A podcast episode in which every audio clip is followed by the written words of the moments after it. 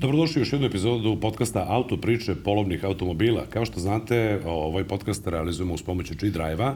Aditivirano G-Drive dizel gorivo doprinosi optimalnom radu motora, omogućuje efikasnije sagorevanje goriva, pouzdan zimski start, ali obezbeđuje i veću snagu i stabilniji rad. G-Drive je dizel gorivo nove generacije, omogućeno kompleksom aditiva, čime se garantuje najviši kvalitet goriva. U ovoj epizodi naš gost je Mladen Alvirović. Mladen je dobrodošao.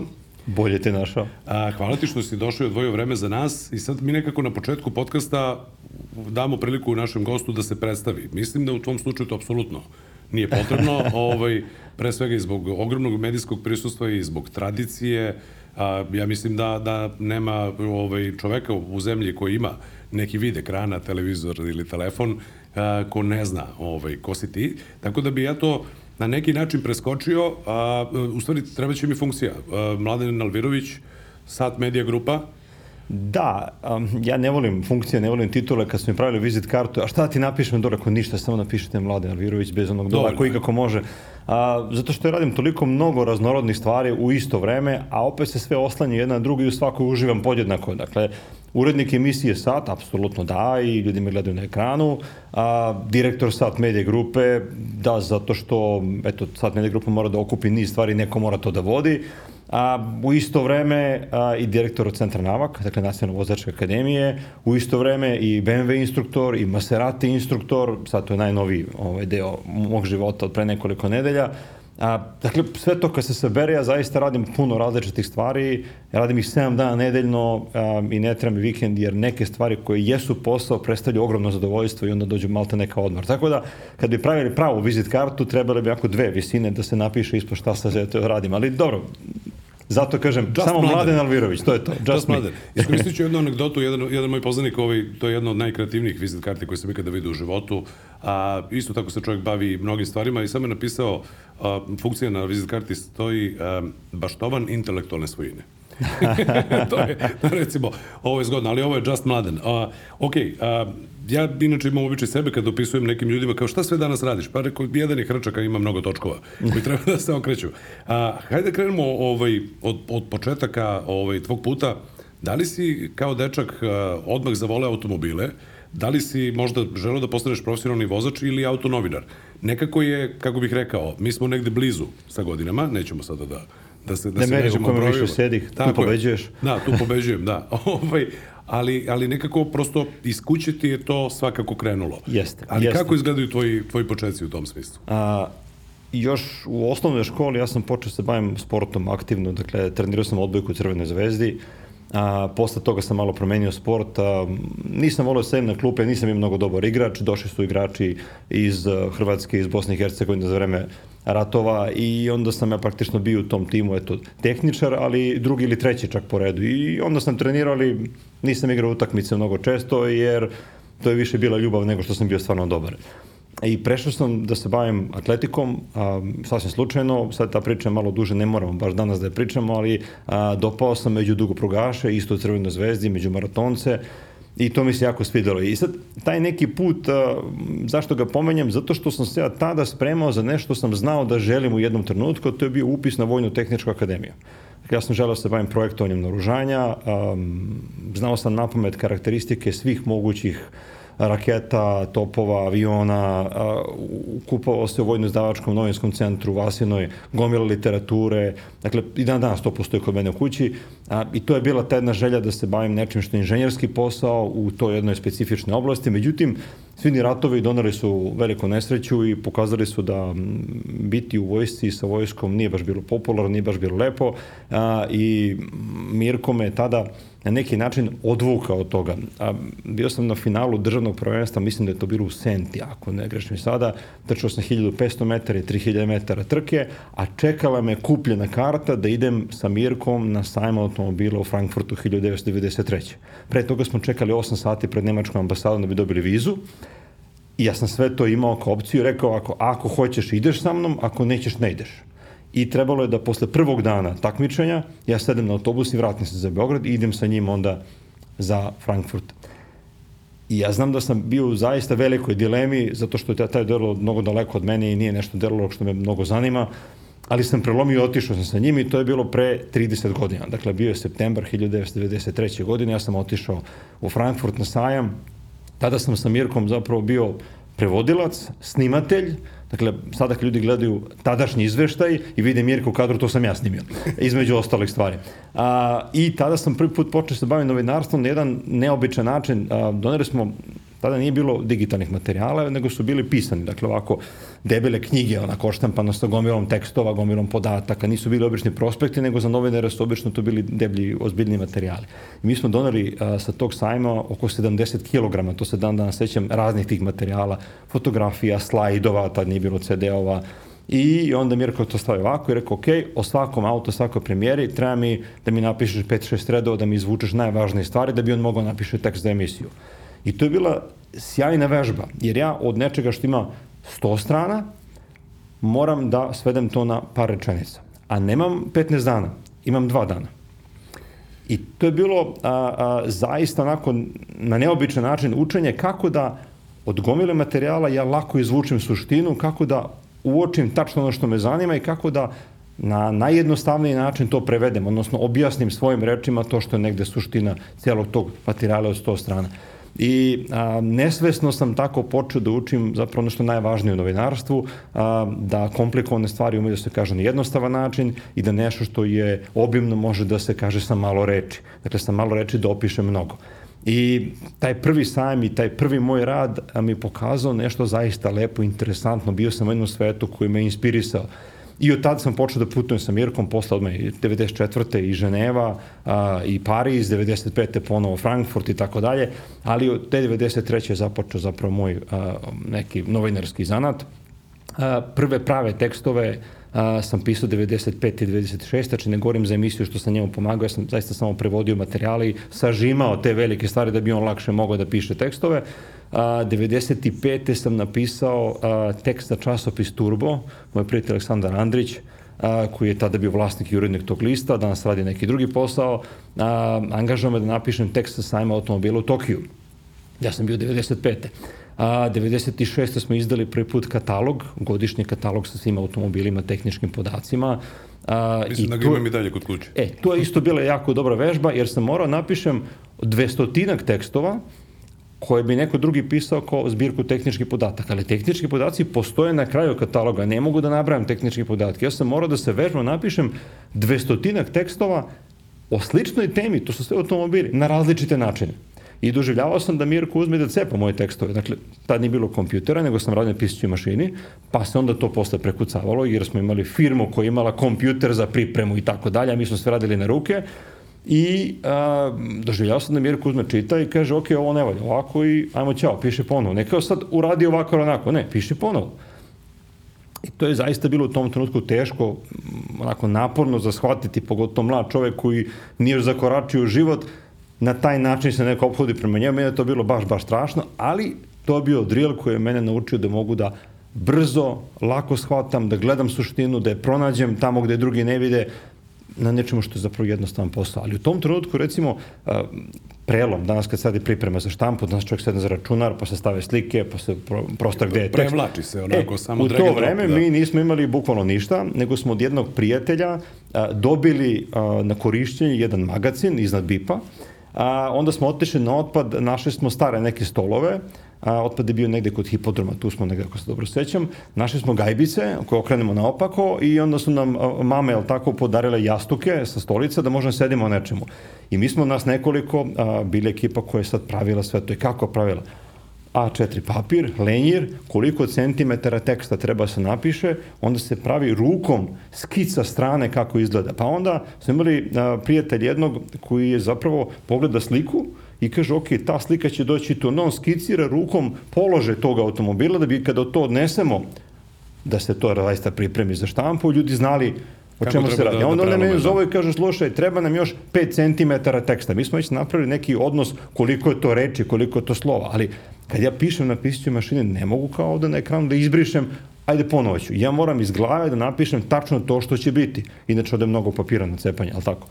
I to je takođe bila jedna vežba da nema ponavljanja, nema čekajte, ajde sad prekinjete da snimamo ponovo. Sad ili nekad. Tako da je sve to mene oblikovalo na početku da budem ovo što jesam.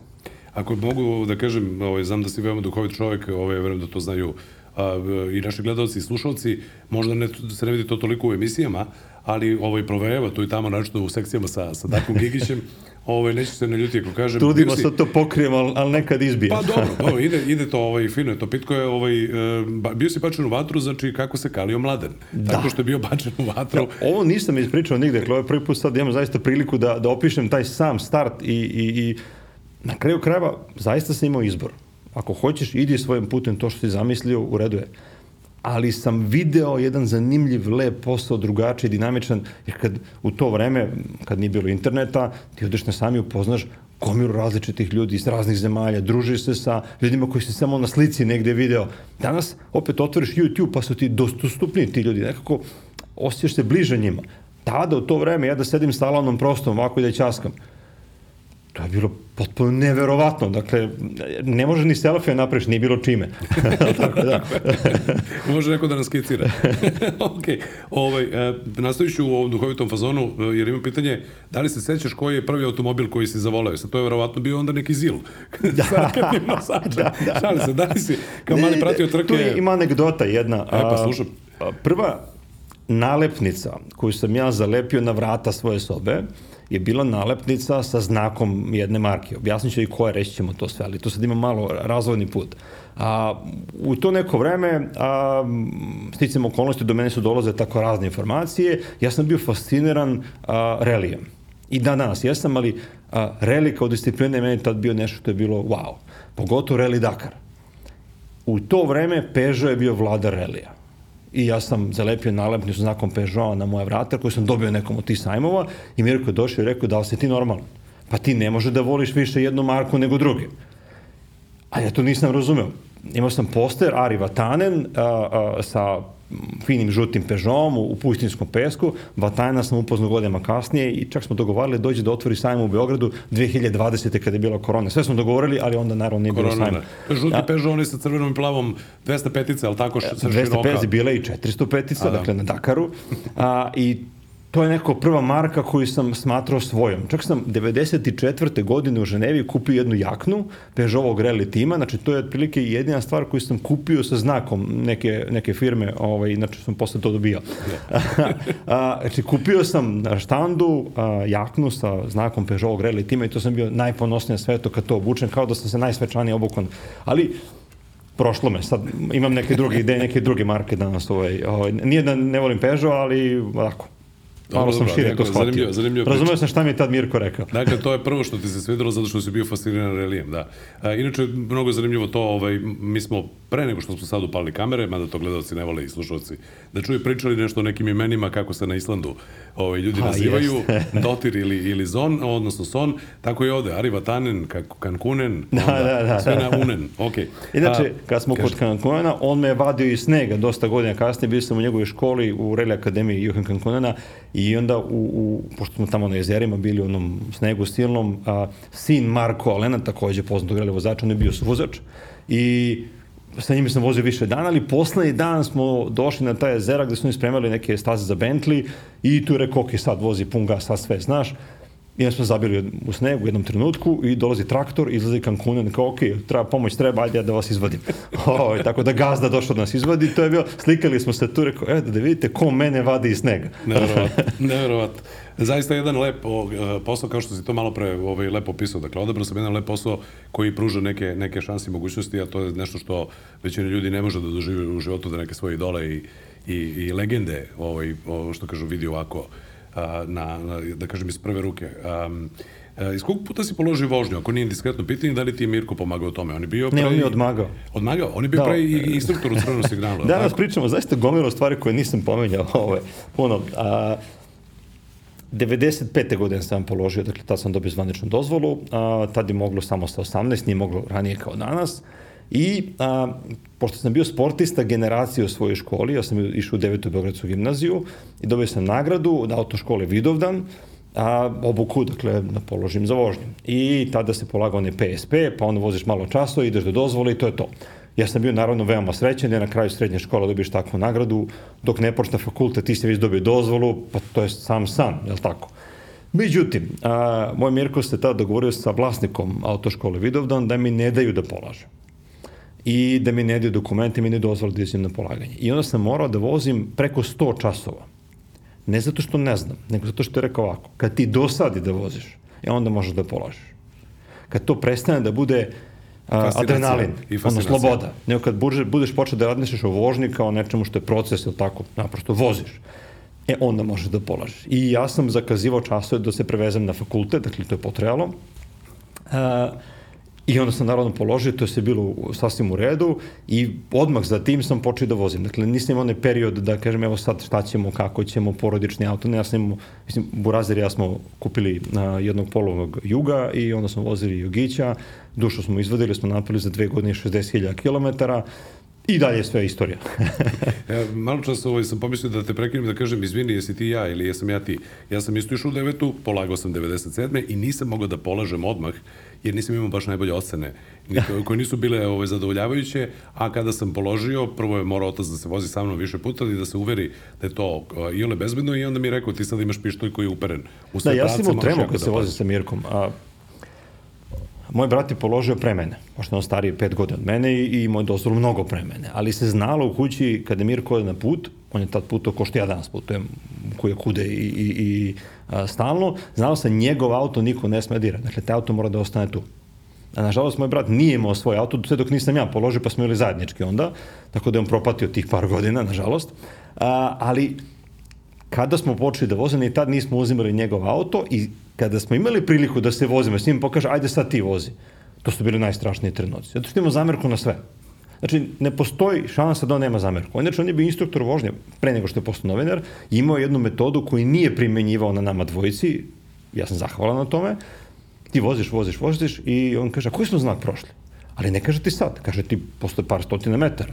I ti ako ne možeš da se setiš, on kaže, aj parkiraj tu, ja se vrati. Ti izađeš, tebi čas prođu pešačanja do znaka koji si prošao. I tu metodu na sreću nije koristio nama, tako da smo mogli da vozimo normalno. to je, I na kraju su posle, posle su zapavili ovi sistemi koji pamte znakove. Da, da, da. Danas stojimo u auto, vidim šta sam poslednje prošao. Da, da, da. da pa dobro, jeste, jeste možda malo tvrd pristup, ako tako može da se kaže, ali a, ima razloga zato, zato što je poslednji znak znak koji važi. Dakle, ako da. si ti zaboravio tako da je 40 je. ili da je, da je ne znam, sada će uskoro suženje, onda ne valja. Ja sam više puta citirao, on je nekoliko puta u emisijama ovaj, to definisao kao vožnje skup uh, predviđanja događaja, jer ti moraš da Tako da predvidiš šta će gde i kada da se desi i ne zavisi sve od tebe, nego zavisi i od one tamo druge strane i prosto tako se gradi ta, ta opreznost. I sad odgovorio si mi na sledeće pitanje, koji je prvi automobil koji je bio baš tvoj? Dakle, Jugo 55. Jugo 55, boja? A, crvena a, tablice su bile BG 390 99. Dakle, pamtim sve. I volio sam ga najviše na svetu i pravo sam ga svaki dan. A moja sadašnja supruga, tada smo se poznavali, kupila mi nalepnicu, nije stigla da zalepi na auto, na sreću. A, čist auto je produkt bolesnog uma i ovaj, zato što je to imalo, ovaj, imalo potporu zaista u realnosti, ali zaista sam ga volio i, i puno sam vozio i ne postoji mesto gde nisam s tim autom bio i nije me izdao, imao neke glupe kvarove, ali recimo tada sam naučio imao sam priliku da naučim, dakle data mi ta prilika, kako treba da se ponašam kad imam auto koji je u garanciji. Dakle, kad, kako treba da se ponašam u servisu. A, taj jugo bio nov, a, ljudi kažu zastava se kvari i onda svako treba sam da zna da popravi. Ja nisam znao sam da popravim gomilu stvari, znao sam vrlo malo a, detalja da uradim i dan danas mene zanima da ja popravljam auto, ali sam naučio da tada je bila auto kuća zastava Voždovac, velika, ja odvezem tamo, kažem dobar dan, takva i takva stvar, ne pravim ja diagnozu auto, ja samo kažem šta je manifestacija. Onda se lepo popuni radni nalog, oni su bili zaista na vrhunskom nivou za ono vreme i čak možda za današnje vreme. Ima radni nalog gde se upiše šta auto ima od opreme, koliko ima goriva, sve se popuni, onda predaš auto, kad dođeš nazad po auto, tebe auto čeka, radni nalog je na njemu, ti odeš, pogledaš, tražiš, ako je bio krupni kvar, tražiš probnog vozača, oni su imali bele kombinezone, dođe sa tom probni vozar, da se provoza, da vidiš da li auto da je to to kako treba, onda potpišeš radni nalog da je zaista to popravljeno, ako nije popravljeno ti kažeš ja neću potpišem, molim vas. Znači, tada sam imao priliku da me nauče proceduri u jednoj firmi koja je u suštini bila zastava. Još, Ali... još je živ šef, tadašnji šef tog servisa, nešto smo dalje, dalje, dalje u rodu i video sam ga pre, pre godinu znači, dana. ti si dobio, na radni nalog ima dva dela, ocepe donji deo i daju ti da imaš potvrdu šta si ti predao, kakav auto, sto koliko kilometara. To je model, to je prototip. Ja danas kad imam servis, ja to isto očekujem od servisa posle toliko godina. I ako se neko pre mene tako ne ponaša na taj profesionalan način, ja kažem, neću dolazim kod tebe. Ti nisi servis. Ljudi, nažalost, često prihvataju razne majstore i razne servise i ovlaštene i neovlaštene. Dakle, jedni i drugi imaju razne da, prakse. tretman koji... I prihvataju koji... pa dobro, ne, ne postoji ne reč. Jel piše tu šta sam ja tebi ostavio, piše šta sam ja zamerio, ok, da vidimo jesi ti to popravio, ne preuzem auto dok nisam siguran da, da je skroz ispravan. I zaista to je bila jedna lepa stvar i, i taj jugo me naučio mnogo toga, ok, menjali smo delo. Najgluplji kvar koji sam imao jeste uh, kvar one opruge koje je držala dugme od sirene. Uh, vraćam sam se kući, nešto bilo tri ujutru, i u Zemunu negde, ako skrenem ja to pip, počne svira. Sad ne znam o, čemu se radi. Na sledećoj krivini pip i ne prestane. Ja vozim se ulicom i on svira, razbuđujem ono kompletno Zemun, je tako? I onda sam pod pritiskom muke shvatio kako se skida dugme, skida i posle naučio to da popravim. Naučio sam razne neke druge sitne stvari, ali samo sitne. Samo ti kažem, evo anegdota jedna koju niko nije tražio, ali Florida jedna postoji u mom kraju, malo, ovaj, pre par nedelja, malo pred novogodišnje praznike, mi ovo sad snimamo ovaj, sredinom januara, počinje da svira automobil neki i ja ovaj, pitam ukućane koji su bili na polju šta svira. Kaže, svira Florida i ja znam šta je. Dakle, u njemu njoj nema vozača i rekao, de poglede da li nema možda neku lavlju kanđu ili nešto na onome pa pritisao sirenu. Ne, nema. Ok, znači opruga. I onda sam zvao prvo komunalnu policiju koja je rekla, ali mi nismo tu ovaj, nadležni, pa sam zvao da 192, pošto je blizu stanica Novi Beograd, jel možete da saznate Kako broj... Kako vama ne smeta? Kako vama ne smeta, otprilike. Jel možete da saznate po broju tablica, pozovite čoveka da siđe da neko će mu razbiti automobil. U jednom trenutku je prestalo, ja ne znam kako je prestalo. Akumulator se ispraznio. Moguće se akumulator ispraznio, ali to je ta oprugica. Meni recimo na mom jugu, isto sam imao novog juga, ovaj, prvi auto koji sam vozio, roditelji su kupili bubu koja je bila restaurirana, ali kad prvi auto koji sam sam kupio, je bio Jugić, isto ima zanimljivu tablicu, BG 385-200, a, a, nije toliko išao. A, I meni je recimo sa godinu po dana ispao mi onaj Schalt Hebli, ispao mi je menjač mi je, ispao srećem na semaforu. Ali isto tako je to bio auto garanciji i uzao sam ga tik posle bombardovanja. Pa je bilo onako, čekajte, jer on treba da izgleda ovako kao da je udaren, da što imao veći falc pozadi, malo gepik. Ja sam moj prodao tik pre bombardovanja. I, pa. I stradao je u bombardovanju. Stradao je u bombardovanju? Da, u Petrohemiju u Novom Sadu je bio parkiran. Mislim, blizu. Da. Onakle, otišao da. junaški, dobro. e sad, pomenuo si nam naše, e, vaše, naše početke. Pomenuo si e, tvoje početke u Satu i kako je to sve krenulo i, i kako se kalio mlade, da. to mogu još jednom da kažem, ali šta kaže radna knjižica? E, A, Kada si zapravo počeo da radiš baš u Satu? Novembar 1996. 96. Da, tako da evo još malo, pa ćemo imati ovaj fini staž, penzija daleko, vidjet ćemo. Daleko. Teo sam da inače kažem malo če si, kad, si, kad si pominjao ovaj, ovršeni servis i, i auto garanciji, pa mi se sad mi se vratilo, a, ja sam tako recimo otišao da neću da imenujem servis, tamo gde održavam automobil koji je ovaj, evo, star, star četiri godine, ja sam sad posljednji put sam spremio spisak gde sam ja to sve napisao. Međutim, ovaj gospođa tamo na primu mi je ko Mirko tebi te tekstove. Malte to pocepala, jer ona unosi tamo u sistem da, da, i kao to je to. Ali lepo što sam ja to doneo, ali nije, nije bilo toliko važno. E pa dobro, ovaj, ti si vremenom preuzeo ovaj, važnu ulogu i u reviji i u emisiji i imao si priliku da intervjušeš upravo neke od najznačajnijih ljudi iz automobilske industrije u svetu. E pa sad, kako izgleda taj razvojni put srpskog automobilskog novinara koji dolazi sa jednog relativno malog tržišta, i postaje prepoznatljiv sve više i više i u tim, da kažemo, ozbiljnim i međunarodnim krugovima. Mislim, malo čas kad si pomenuo Frankfurt, srce mi je zaigralo, ja sam uh, od međunarodnih sajmova prvo video Frankfurt i tamo sam i ja odveo. I mogu si to kad čovjek vidi kako to sve na, na, na koje, mislim da on i dalje, no, on nije najvažniji, ali mislim da je kvadraturom, uh, ispravit ćeš me ako grešim, možda najveći. Bio je, više Bio nema. Frankfurt je ukinut, uh, zamenio ga Minhen, koji je postao ali, neka druga vrsta izložbe, ali, ali da, i, Frankfurt a, a, je bio takav, najveći. Kad, kad vidiš i koliki je sa svim onim šatlovima koji te voze a, 93. De, godine mi smo kroz Frankfurtski sajam išli biciklom odeš na Fordov štand, ostaviš neku vrstu legitimacije koju imaš, zatoš bicikl sa nebisagama sa strane i voziš se kroz hale biciklom i skupljaš tako materijal. Bilo manje novinara, ali to je toliko veliko. Čisto ljudi shvate da, da, veličinu, grandioznost. Da. Veličinu, da, to kad čovjek vidi, mislim i naravno Mercedes ima svoju halu, BMW ima svoju, Audi obično izgradi svoju, koja ima unutra staze, tu se vozi, tako je, tako je, se tako. ponavljaju ovaj, neke, neke kretnje, što ljudi imaju prilike da vide upravo u, u tvojim emisijama, pa mogu to malo da dožive, ali to je jedno nevjerojatno iskustvo. E sad, kako dakle izgleda taj razvojni put E, znate, mi smo sa ovog, da kažem, uslovno rečeno malog tržišta. Brojevi na, ovim, na, na ovom našem tržištu su mali i nisu toliko važni. Ali kako se to gradi i kako izgleda taj... To si sjajno rekao, nismo toliko važni, dakle mi smo zaista nebitni, mi smo statistička greška i onda nemamo prolaz do najvažnijih ljudi, nemamo prolaz do najvažnijih događaja, jer nikome tamo od tih velikih proizvođača nije zaista stalo da se nešto objavi, pojavi u tadašnjoj onoj manjoj Jugoslaviji, a, dakle ne govorim o velikoj, tad nisam bio novinar, a, a kamoli sad u Srbiji. Dakle, zaista nas ne prepoznaju kao neko ko nešto znači. I onda da bi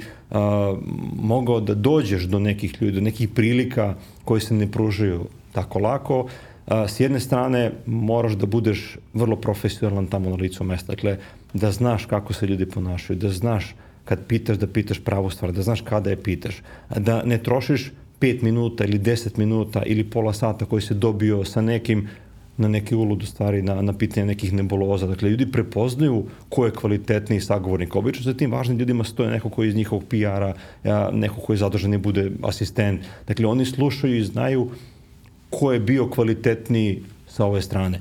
I onda posle te prepoznaju, kad si dovoljno puta se nametno da budeš tu, onda te prepoznaju kao, a, kao izvolite gospodine Alvirović i tako dalje. Znači, to je jedan način. A, drugi način je bio da zaista budeš na mestima da te niko ne očekuje.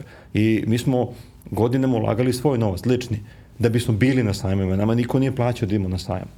Dakle, ne odeš na letovanje, ne odeš na zimovanje, ne kupiš sebi nešto, ali imaš para da odeš na sajam, jer ti je to zalog za tvoj budući posao. I onda kada si dovoljno puta tu, kada te ne očekuju, a vidite stalno s im na očima, onda si opet prepoznat. Onda kažu, dobro, vi, e, izvolite, dođite tu. A, ja danas imam situaciju a, Luka Demeo, koji je prvi čovjek Renaulta, kada je konferencija za štampu na sajmu, kada on da izjave onoj gomire ljudi, meni je dovoljno da priđem, ili on ili Christian Stein, koji je direktor marketinga Renault, samo vide me krajem oka. E, kao, evo me, staću Ja sam dovoljno puta bio sa njima, dovoljno sam prisutan, dovoljno godina to traje. I sad gomilo ljudi se na taj način. Carlos Tavares koji je, slobodno kažem, vladar evropske autoindustrije, znači predsednik grupacije Stellantis, ali ujedno predsednik asocijacije evropskih proizvođača automobila, kad te on prepozna, ili njegov asistent Bertrand Blaise, koji je ono, drugi čovjek, je tako, u celoj toj hierarhiji, kad već vidi da si tu, on kaže, ok, vi ste u redu. A, sve to mora da proprati nešto što je adekvatan sadržaj. Dakle, kada ti nešto objaviš, nekada je bilo teže jer si mora da šalješ neke videokasete ili štampane primjerke, danas je to mnogo lakše. Kad to objaviš, to zaista mora da bude na vrhunskom nivou, vrhunskog kvaliteta, uporedivog sa onim što oni tamo ko sebe gledaju. I onda kad to vide, kad vide da su i dali šansu, si ti tu šansu iskoristio na zaista vrhunski način, onda ti daju šansu ponovo. I onda jedna šansa vuče drugu i ako si dovoljno prisutan, onda dobijaš najneverovatnije prilike jer te smatruju ravnim sebi. Svate da tu postoji kredibilitet i da je to uh, urađeno zanatski, esavski, pošteno i na vrhunskom nivou, kao što si nemaš rekao. Nemaš priliku, kažeš, ma dobro, nema veze. Možeš i to će ovde u Srbiji možda proći. Ne kritikujem nikoga, samo kažem da standard novinarstva automobilistog ovde nije baš mnogo visok. I onda će ovde proći, ljudi će reći, pa dobro, odgledali smo nešto. Ali tamo neće proći. I tamo će neko reći, ma dobro, Ako ti uradiš to na vrhunskom nivou, da je uporedivo sa Italijanom, Nemcem ili bilo kim drugim, onda tamo kad ponovo dođeš, oni kažu, izvolite, imate novu priliku. I ti se svaki put dokazuješ kao ti prvi put. A, na gomile prezentacija, pošto ja sam nekad dao fotografijom, to mi je bio hobi, ja napravim fotografije i te fotografije kad dođu tamo oni znaju da nisu njihove. I onda opet dobije šansu za nešto. I tako svakim svojim trudom sebi otvoriš nova vrata. Kad se ne bi trudio, vrata bi se zatvorila odmah, istog sekunda, jer dolaziš sa tržišta koje je nebitno. E, još jednu ću samo to pomenuti, mada smo pomenuli u jednoj od epizoda ovde, zvuči malo, malo loše, ali prosto tako je. A, broj koji je jedan od premium brendova broj vozila koji proda ovde na godišnjem nivou odgovara otprilike predgrađu Frankfurta. I to je prosto tako.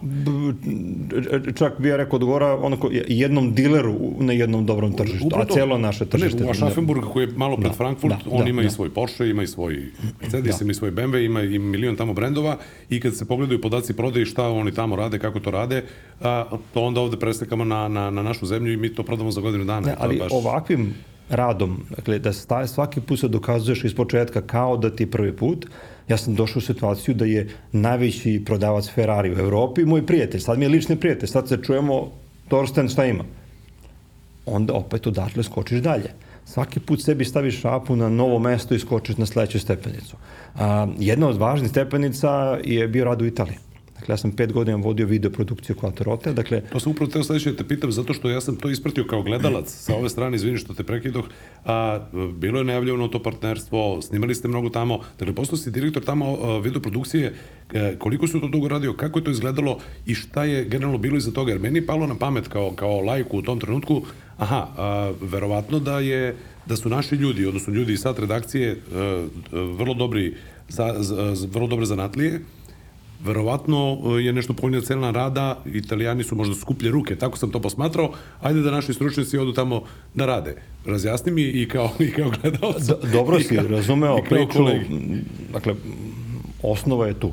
A, mi kada smo napravili partnerstvo sa kućom Editoriale Domus, koji je izdavač Quattro između ostalog i mnogih drugih časopisa, a, mi smo rekli, evo, imamo video produkciju, mi proizvodimo a, sadržaje svake nelje i mi možda umeli da uradimo to što vi inače već radite. Dakle, oni su u to vreme a, jednom godišnje ili čak dva puta godišnje uz svoje časopise prodali VHS videokasete sa raznim tim sadržajima snimljenim tamo kod njih. I mi smo poslali par nekih naših uh, video sadržaja koje smo radili i oni to procenio da vide kako mi to ovde proizvodimo i dobili smo priliku da se dokažemo. Dakle, ponovo, tamo je negde uvek dokazivanje, ne postoji da ti neko nešto pokloni. Malo, malo pa ispit. Tako je. Na taj prvi ispit odlazimo, tada je bio dečko, sad je već vrlo odrastao čovek, a, snimatelj i ja, nas dvojica, dva klinca odlaze za Italiju, sa kamerom koju smo iznajmili i jesmo hteli da imamo bolji snimak nego što inače imamo i sa jednim malim Casio televizorom koji mi je rekao da iz Japana, da nam bude kontrola slike, uključimo kameru, ja mogu da vidim šta on radi. Znači, to je sve. I nosimo stativ. Dakle, nemamo više ništa. I daju nam lanču muzu. Taj je bila novi model, dakle, tek se pojavila i dolazimo na pistu, pistu Vajrano, dakle, Quattro je vlasnik jednog velikog objekta, mnogo većeg nego što je Navak. Navak ima 30 hektara, tamo je 55 hektara, a tamo Ferrari testira Formulu 1, Brembo testira kočnice, dakle, vrlo, vrlo lep objekat. I mi dolazimo tamo i daje nam auto i kaže, ok, ovo su vam probni vozači, ako vam nešto trebaju, imate šta god hoćete, izvolite radite mi ne znamo pravila ponašanja, ne znamo gde smemo da stanemo, da ne smemo da stanemo, da li mogu da izađem sad tamo ili ne mogu da izađem tamo negde. Ne znam ništa, znači ja sam bačen ovako iz aviona. I imamo dva dana da snimamo auto. Mi prvo počnemo da snimamo tako što radimo najbolje što mi mislimo treba, izmišljajući stvari koje italijani nisu nikad radili, kako se snima statika, kako se snima ovo. Dakle, pokušavamo da radimo nešto što oni nisu videli. Nažalost, u tome smo shvatili da imamo neke greške. Recimo, mi pre podne snimamo, pa dok oni ručuju, mi pregledamo materijal šta smo radili. Pa onda shvatim da smo pogrešili, da nismo dobro, tamo ništo bilo presvetljen neki snimak, nebitno. Pa oni onda sledeći dan dok su na ručku mi odemo, uzmemo auto, izvezemo ga da oni ne vide i mi snimamo ponovo, to da se ne zna smo radili ponovo. A u tom trenutku Mauro Tedeschini, glavni urednik Vatorotea, ja sam to kasnije saznao, svojim saradnicima kaže, ja, gde su ovu dvojicu poslali, vidi ovi iz Srbije došli, kako će ovi klinci to da urade, njima rade to britanska jedna ekipa koja je brojala 16 članova, imali su garderobera čak. I ko mislu, gde su nam ovaj dali? Međutim, mi smo to snimili, vratili se nazad, izmontirali i poslali opet na kaseti, DHL-om, je li tako, a, materijal koji je bio vrhunski toliko drugačije od svega što su oni radili, da su mi odmah dobili posao. I mi smo svake godine otprilike šest meseci snimali u Italiji, šest meseci bili kući, a, odnosno prve godine smo im spasli proizvod jer su oni rekli, ok, hoćemo, Britance smo otkačali, sad vi.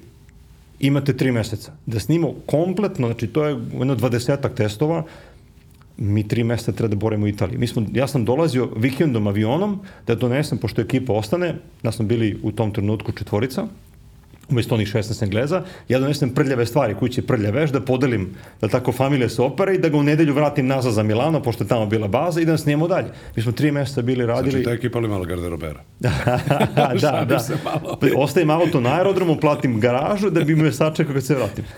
I mi smo odradili taj prvi, taj njihov video proizvod tako dobro da su nam dozvolili po prvi put u istoriji Quattro Hotea da nas napravi klip o ekipi, ono behind the scenes i da se potpišemo i da stoji logo sata na pakovanju.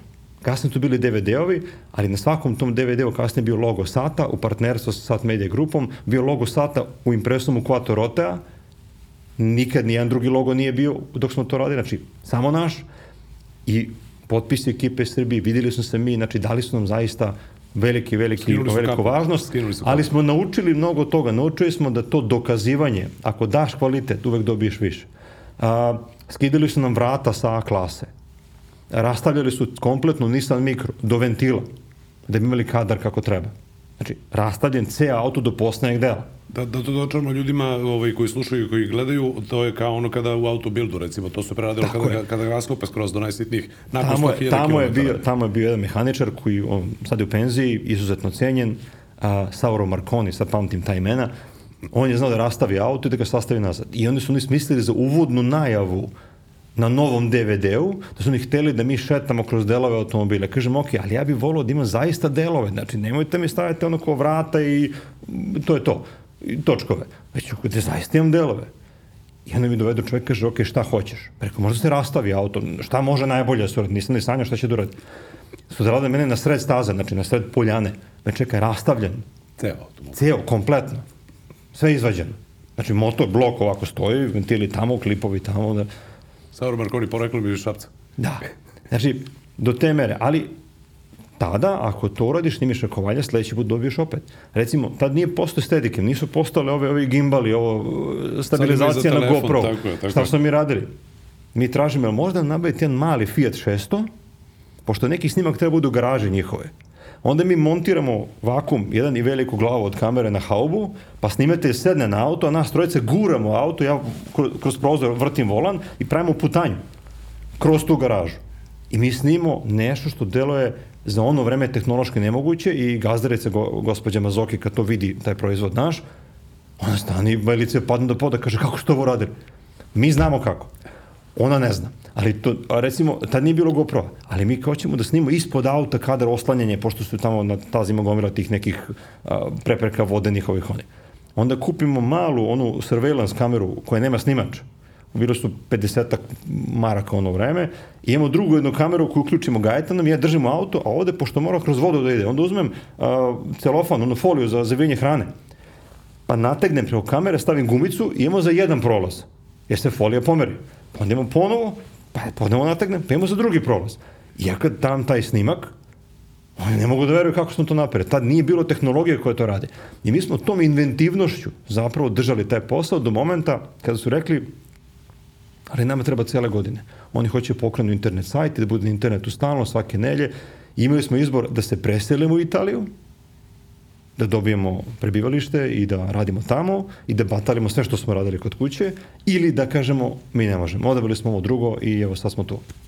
E, sve vreme kako, kako ovaj, to pričaš pominjem, ovaj, u glavi mi se javlja ideja koliko to imalo veze s inspiracijom vezano za navak i tako dalje.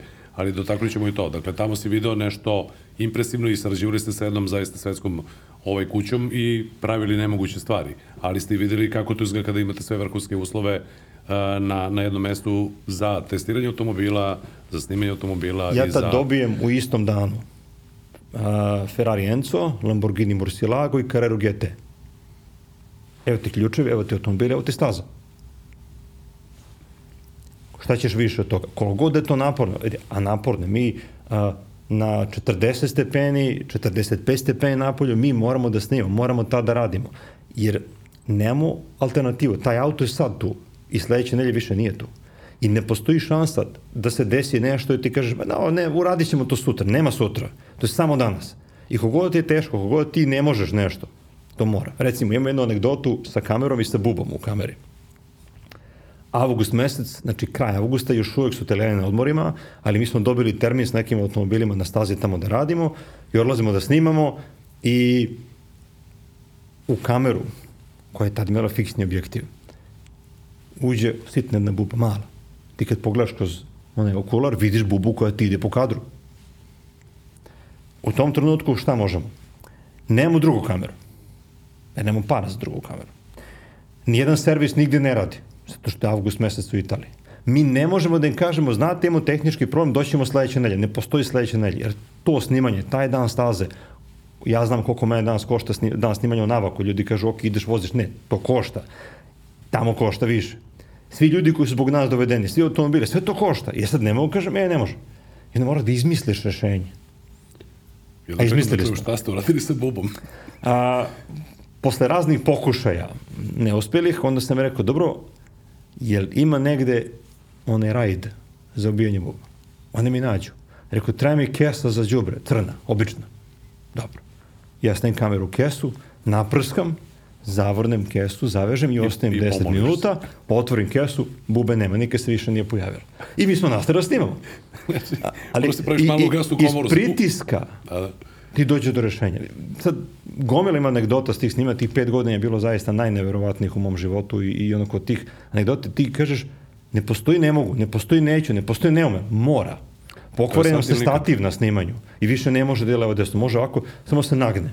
I onda izmislim kadar u kome neka alfa ide nekom krivinom, nebitno, da mi radimo pokret koji ako bočni, koji nikad nije urađen, tako, mislim, to ne radi. A njima se to sve vidi, kaže, kako je dobro. Mi sad više ne možemo to da ponove, jer smo slatir posle popravili, ali sad, to je druga priča. takozvani dačuvan kadar. A, ja bukvalno, ovaj, evo, pre, pre nekog vremena snimali smo MG ovaj, četvorku i bilo je, ja očekaj, ostale kod sata. Zbog vremena, mi smo ga snimali po kiši, a, jer je, ja mislim, potpuno sam razumeo.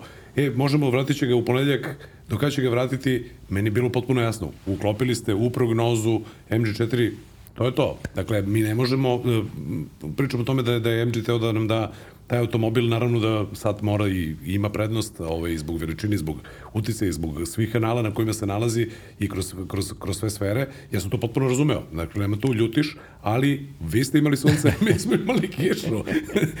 tu rajd ne pomaže, ali potpuno je jasno i to je sad i nikad više. I to se nekad dešava, zato što mi često snimamo i te jeli, privatne automobile koji su, koji su polovnjaci, da se i mi nalazimo u tim nekim situacijama, ali naravno ovo je na mnogo većem nivou i to je zapravo nastavak tog tvog kaljenja. Ovaj, nikad nije bilo lako. Rekord je da sam u jednom danu vozio 20 različitih automobila. Bio veliki test, neki Q test se zvao, zajedno sa automotornom športom se radilo i 20 automobila ti moraš da prođeš svakim test neki stabilnosti da bi se to snimilo. I nema ko drugi. Sad imamo još jedan vozač, taj njihov i ja. I 20 automobila. Više ne znaš kako se koji zove, koji si seo, ali to te nauči da prepoznaješ razlike. Tako da sve je to kaljenje. Kada gleda, kada gleda to neko sa strane, kao pa tebi je lako, jel? I kao, ovaj, to je, eto, ti voziš i kao što si malo čas Pa rekao. ako danju radiš, dakle ti do, do, do jedno pet, pola šest si tamo sa njima, dok dođeš u hotel, onda noću pregledaš sve snimke i upoređuješ sa tekstom koji si dobio da li valja, to završiš negde oko 2-3, onda si opet tamo u 8 ujutro na stazi, danju radiš i tako iz dana u dan. Ali ako si dobar, s jedne strane jako dobro zaradiš, s druge strane otvaraju ti se šanse koje ne postoje. Ja sam vozio automobile koji u tom trenutku zaista ne postoje. Recimo, a, Opel Corsa, tadašnja, ja sam je vozio tri meseca pre premijere, kad niko nije video auto.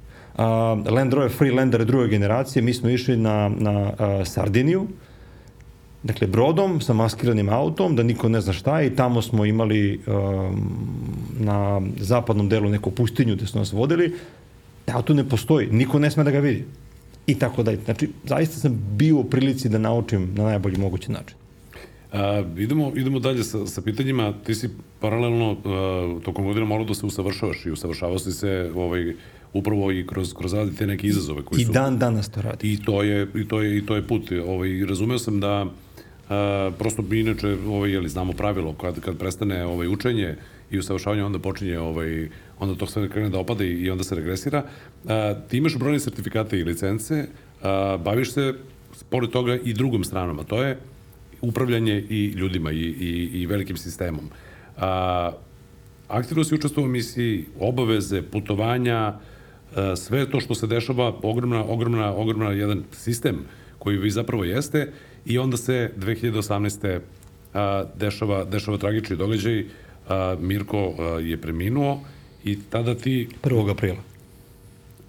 izgubio si roditelja, a ostaje ogromna briga za ljude, za kompaniju koju ste napravili i sad tu nema vremena ni toliko ni za tugovanje zato što tu stoje stoje obaveze i stoji sve sve nešto što je što je ovaj kako si se izborio Mi sa smo tim kada ako on nije preminuo, previše odmah smo uzeli da uradimo emisiju koja je posvećena samo njemu, da danas ima na YouTube, može da se vidi, dakle, ni tad nismo imali pauzu, a, jer na televiziji, generalno medijima, ti to jako dobro znaš, važi vrlo jednostavno pravilo, kad te nema, ljudi te zaborave kao te nije ni bilo. Dakle, ako si tu, vrediš i radiš, ako nisi tu, kao da nisi ni postojao. I onda smo naravno ovaj, razumeli to tokom godine, pa smo nastavili da radimo. Ja sam imao uh, i sreću i nesreću u isto vreme. Uh, sreću da uh, sve to što danas postoji smo mi zajedno stvarali. Dakle, ja nisam to nasledio, nisam tu bio mali od palube, pa onda došao dan i kaže, e, sad izvoli ti. Dakle, u kreiranju svega sam učestvovao ravnopravno. I onda sam imao sreću da kada se to desilo, ja samo nastavim da radim ono što sam do juče radio. Na neki svoj način, nekim svojim stilom. A, s druge strane imao sam nesreću da a, u trenutku kada je trebalo zapravo da zaista zasijamo, on više ne bude tu. Da nemam još jednu super kontrolu, da to što sam ja smislio, neko ipak sa strane pogleda i kaže, pa dobro, ajde malo prikoči. Možda nije baš sve kao što ti vidiš, jer čovjek sam sebe ubedi da zna sve i da može sve i, i da je besmrtan i tako dalje. Ali dobro je da ima sa strane nekoga ko je malo stariji, ko ima više iskustva, ko to gleda iz druge perspektive. E, ja sam to izgubio i onda a, sad sebe često preispitujem kad nešto treba da uradim ili kad sam uradio, imam gomilu pitanja samo, samom prema sebi, kažem, da li je to to?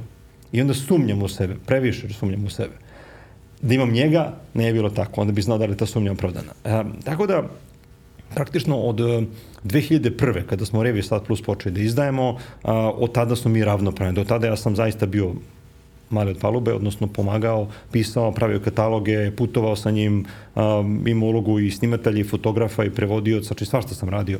Ali od 2001. kada kreće Revija Sad Plus, tada kreće taj pravi period kada mi kreiramo ozbiljnu kompaniju i kada to sve ide uzbrdo. A, I zapravo od tada se ja suočavam sa problemima koji danas imam. Upravljanje ljudima, upravljanje finansijama, a, ljudi koji nešto rade moraju budu plaćeni. Kad dođe prvi u mesecu, oni ne pitaju šta je bilo juče, pitaju gde je moja plata. Jednostavno sve to mora da se da se složi u jedan sistem, ma koliko ti voleo nešto da radiš ili ti prijelo. Postoji gomila stvari koje ne voliš, ne priju, koje moraš da uradiš da bi stigao do rezultata. I mi danas često imamo onako jednu pogrešnu perspektivu nekih gledalaca koji kažu, pa da, lako, vama vi imate par od RTS-a i to je to. Zapravo, Uh, Sat Media Group živi od prodaje štampanih izdanja, od uh, rada svog internet dela sada i živi od prodaje reklamnog prostora u emisiji Sat. Znači one sekunde, oni 170 sekunde, tačno u sekund 170, mi to možemo da prodamo i to su naše pare. I to je to. Od RTS-a nima nula. Mi dajemo emisiju RTS-u, za uzrad dobijemo 170 sekundi u kompenzaciji, što bi se reklo, i ako te 100 sekunde umemo da prodamo, onda smo zaradili. Ako je prodamo skuplje, zaradili smo, ako je prodamo jeftinije, nismo zaradili. I to je sve. I mi zapravo funkcionišemo na taj način što imamo sjajno mesto za emitovanje, dakle televiziju koja je poštovana, naš koncept se uklapa u ozbiljnost te televizije, a, imamo mogućnost da pokažemo to što smo smislili i imamo mogućnost da prodamo te sekunde ako smo vešti, ako smo vredni, ako nismo vredni, radimo džabe. Nažalost, emisija godinama, dakle decenijama je radila tako što je pravila minus, dok je Mirko radio emisije pravila minus. Nije dobio na nikakve pare. On je radio je neću kažem za slavu, ali njemu jako prelo ljudi da ga vide, da ga prepoznaju, da kažu da, da je to dobro. I mi smo godinama živjeli samo od prodaje štampanih izdanja. Sad smo to promenili, na kraju krave i tržište štampe se menja, pa onda moramo i mi da gledamo Da, ja- gde je više novca. Ali to je nešto što uh, zapravo sada jeste jedno veliko opterećenje, jer kad dođe kraj meseca, m, ako ga saberemo sat i navak zajedno, ja moram da znam gde su plate za 60 ljudi. 60 porodica mora da ima svoju platu, koja ne može da bude, vidjet ćemo. Da, i možete budete drugari i super kolege i tako dalje, ali na kraju krajeva ipak si ti taj koji je... Najnovija tehnologija mora da se plati. Svako putovanje mora da se plati. Svaki litar benzina za patrolu mora da se plati. A, svaki fotoaparat, svaka licenca za program, za pripremu štampe ili za bilo šta drugo. Sve to košta. Čistačica, sekretarica, računovođa, to sve mora da se plati. I svaki mesec mora se plati. I u tom smislu je to jedan pritisak koji, sad sam je navikao njega iz svog prethodnog dela života, ali koji ti tera da ti izmisliš novo, drugačije, da budeš aktivniji, agilniji, da bi to moglo da preživi. Inače može da kažeš, ok, nema para, kriza je gotovo. I onda smislit ćemo. Ja nemam taj luksuz, ne želim to sebi da, da dopustim.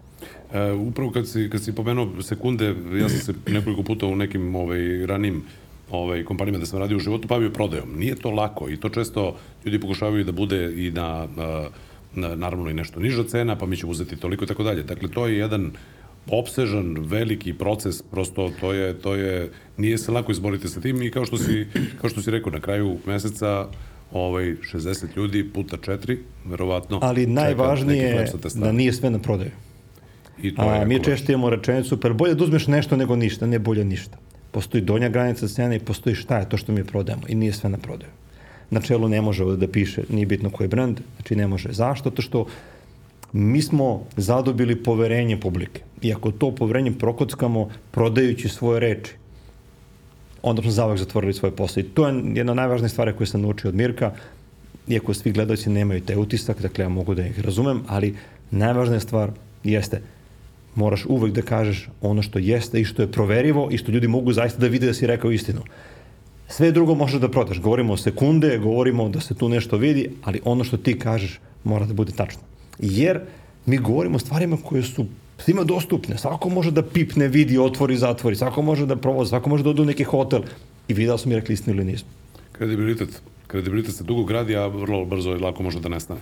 A, mislim da danas možemo da kažemo da si, da si uspešno to očuvao i, i nastavio, dakle, tim putem koji ste krenuli i pomenuo si trenutak kada je trebalo da zasijate i unapredio si mnoge segmente. Ono što se vidi sa strane jeste jedna od stvari koja, koja pre recimo nije bila primetna. To je da se drugi članovi redakcije slikaju i da imaju, kako bi to moglo da se kaže, airtime, odnosno da se vide, da se vide u kadru uh, i Cvele i Regoda, uh, ok, Darko, Gigić i tako dalje i, i razne druge kolege i koleginice A, koliko njima trebalo da se, da se prilagode na tu promjenu, da treba da stanu ispred kamere i da li su, ovaj, da li se implementiraju još neke od ideja za koje možda Mirko mislio da su prerane ili da su možda nepotrebne, jer ja mislim da je to dobra ta diverzifikacija. Prosto... Najvažnija stvar koju sam ja dugo želeo da promenim, ali nije bilo prilike, dok nisam počeo to sam da vodim, jeste upravo to. Dakle, ljudi koji proizvode određeni sadržaje, oni moraju da se vide. Zašto? Zato što sat nije Mirko, nije Mladen, sad su svi ti ljudi. Sad ne bi mogao da bude da nije tih ljudi. A, I da nije njihovog istraživanja, njihovih reči, njihovih sati za računarama ili na terenu. I prva emisija, dakle, um, koja je na samo par dana pošto je Mirko preminuo, a, kraj te emisije, opet na YouTube postoji, može se vidi, kraj te emisije je moja odjava u kojoj kažemo sad su ovi ljudi. I svi ljudi su bili tu. Svi koji čine tada Sat Media grupu. Uh, I da, danas se ponosim time uh, što smo to promenili. Možda nisu svi za ekran, možda nisu svi najlepši pred kamerom i najveštiji, ali oni kreiraju taj sadržaj i oni treba da se vide. Jer ljudi koji posmatraju sat sa strane, to je moja najveća želja i to mi je neki zalog za budućnost, moraju da razume da će sat nastaviti da postoji čak i kad mene više ne bude. Dakle, sat mora da nadživi one koji su ga napravili, kao što je, ne znam, politika ili kao što je bilo koje drugo ime koje je veliko kod nas, mora nastati da živi čovjek kad možda uopšte prezimena Alvirović ne bude u, vezi sa tim. I to je moj zadatak. Dakle, Mirko zadatak je bio da napravi nešto, moj zadatak je da zaista kreiramo toga brend koji će nastaviti da živi bez obzira ko to vodi i ko se pojavlja na ekranu. Jednog dana više ja neću biti na ekranu. Kogod bude mesto mene, kao god se bude zvao, to i dalje mora bude sad. E, to je sad ono što ja radim i zapravo to je razlog zašto svi ti ljudi vide. Za ostavština i pravilni sistem. Svako ima svoju emisiju. Tako, da. tako je. E, dobro, a koliko epizoda a, e, godišnje zapravo emitujete? A, a, naravno potrebno je pripremiti mnogo više materijala, to ovaj, ja apsolutno znam koliko mi sati provedemo u snimanju jednog o, da. automobila za, za, za YouTube klip koji traje 10, 15, 18 ili neka 22 minuta kad se baš raspričam. Dakle, koliko je to ovaj, zahtevno, šta je najvažnije u tom procesu? Zapravo, eh, kada gledamo sad emisiju, ona tu ima mnoge segmente i upravo si pomenuo malo čas istraživanja. Dakle, imamo vesti, imamo, imamo eh, predstavljanje eh, polovnog automobila, imamo nov automobil, imamo izvešte sa sajma, da li možeš malo da pobliže objasniš ljudima koji nas slušaju i gledaju koliko je zapravo tu 52 nedelje godišnje postoji i mi emitujemo 52 emisije. Nema pauzu, ni zimsku, ni letnju. A, da li postoje reprizne? Postoje dve budu. Jedna leti, jedna zimi. Možda neka se tri desi da budu reprizne, da pustimo nešto što je od ranije, a, zato što ipak redakcija mora nekad da odmori, tako da ja mogu da kažem, mi kreiramo sigurno 49 premijera godišnje po 45 minuta, dakle to je sigurno. A, najvažnija stvar je planiranje. Zato što jedno snimanje ne može da se desi ako mi pre toga ne znamo šta radimo, kad radimo, gde radimo, koliko je to sati, šta nam treba da bi se to desilo, a šta ako to ne ide, šta je rezervna varijanta. I zahvaljujući ogromnom planiranju, onda sam rad na terenu može da bude realan. Rad na terenu je skup. I onda, da bi sve to bilo na kraju isplativo, mi potrošimo puno vremena na planiranje, na terenu smo najefikasniji. Ja ću to, a, kako izgleda, zapravo ilustrovati primjerom kako snima patrola. Ljudima kad upale i gledaju patrolu, izgleda kada su mi seli, odvezli se, nešto malo usput snimili, ja tamo stao na skije, sa su zimske patrole u, u, u, ovaj, u opticaju, malo skijao i meni bilo lepo i kao to je to. Evo sada treba da imamo sledeću patrolu još jednu i da bismo otišli tamo, zna se tačno u koliko sati ćemo mi gde biti na kom delu puta. Imamo plan. Možda ga nećemo ispoštovati, ali onda znamo zbog čega nismo, šta je to što pokvarilo plan. Znamo na lokaciji tačno koliko sati šta snimamo gde, koliko nam vremena treba između dve lokacije da pređemo. Na samom skijalištu recimo, ja znam koje staze ću da obiđem i gde ćemo da snimamo, koje najvode, pa imamo plan. Na licu mesta mi njega možemo da adaptiramo.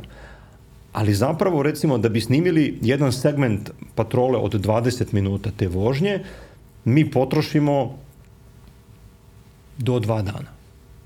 Odnosno, 400 km u danu može da se snimi patrolnim tempom. Da bi stali ovde, digli dron tamo, da bi pitali ovo pitanje. 400 km da puta, maksimum. Da izgleda i da znači, ima maksimum. Da. Znači, ako je neka a, distanca 800 km, to su dva dana putovanja.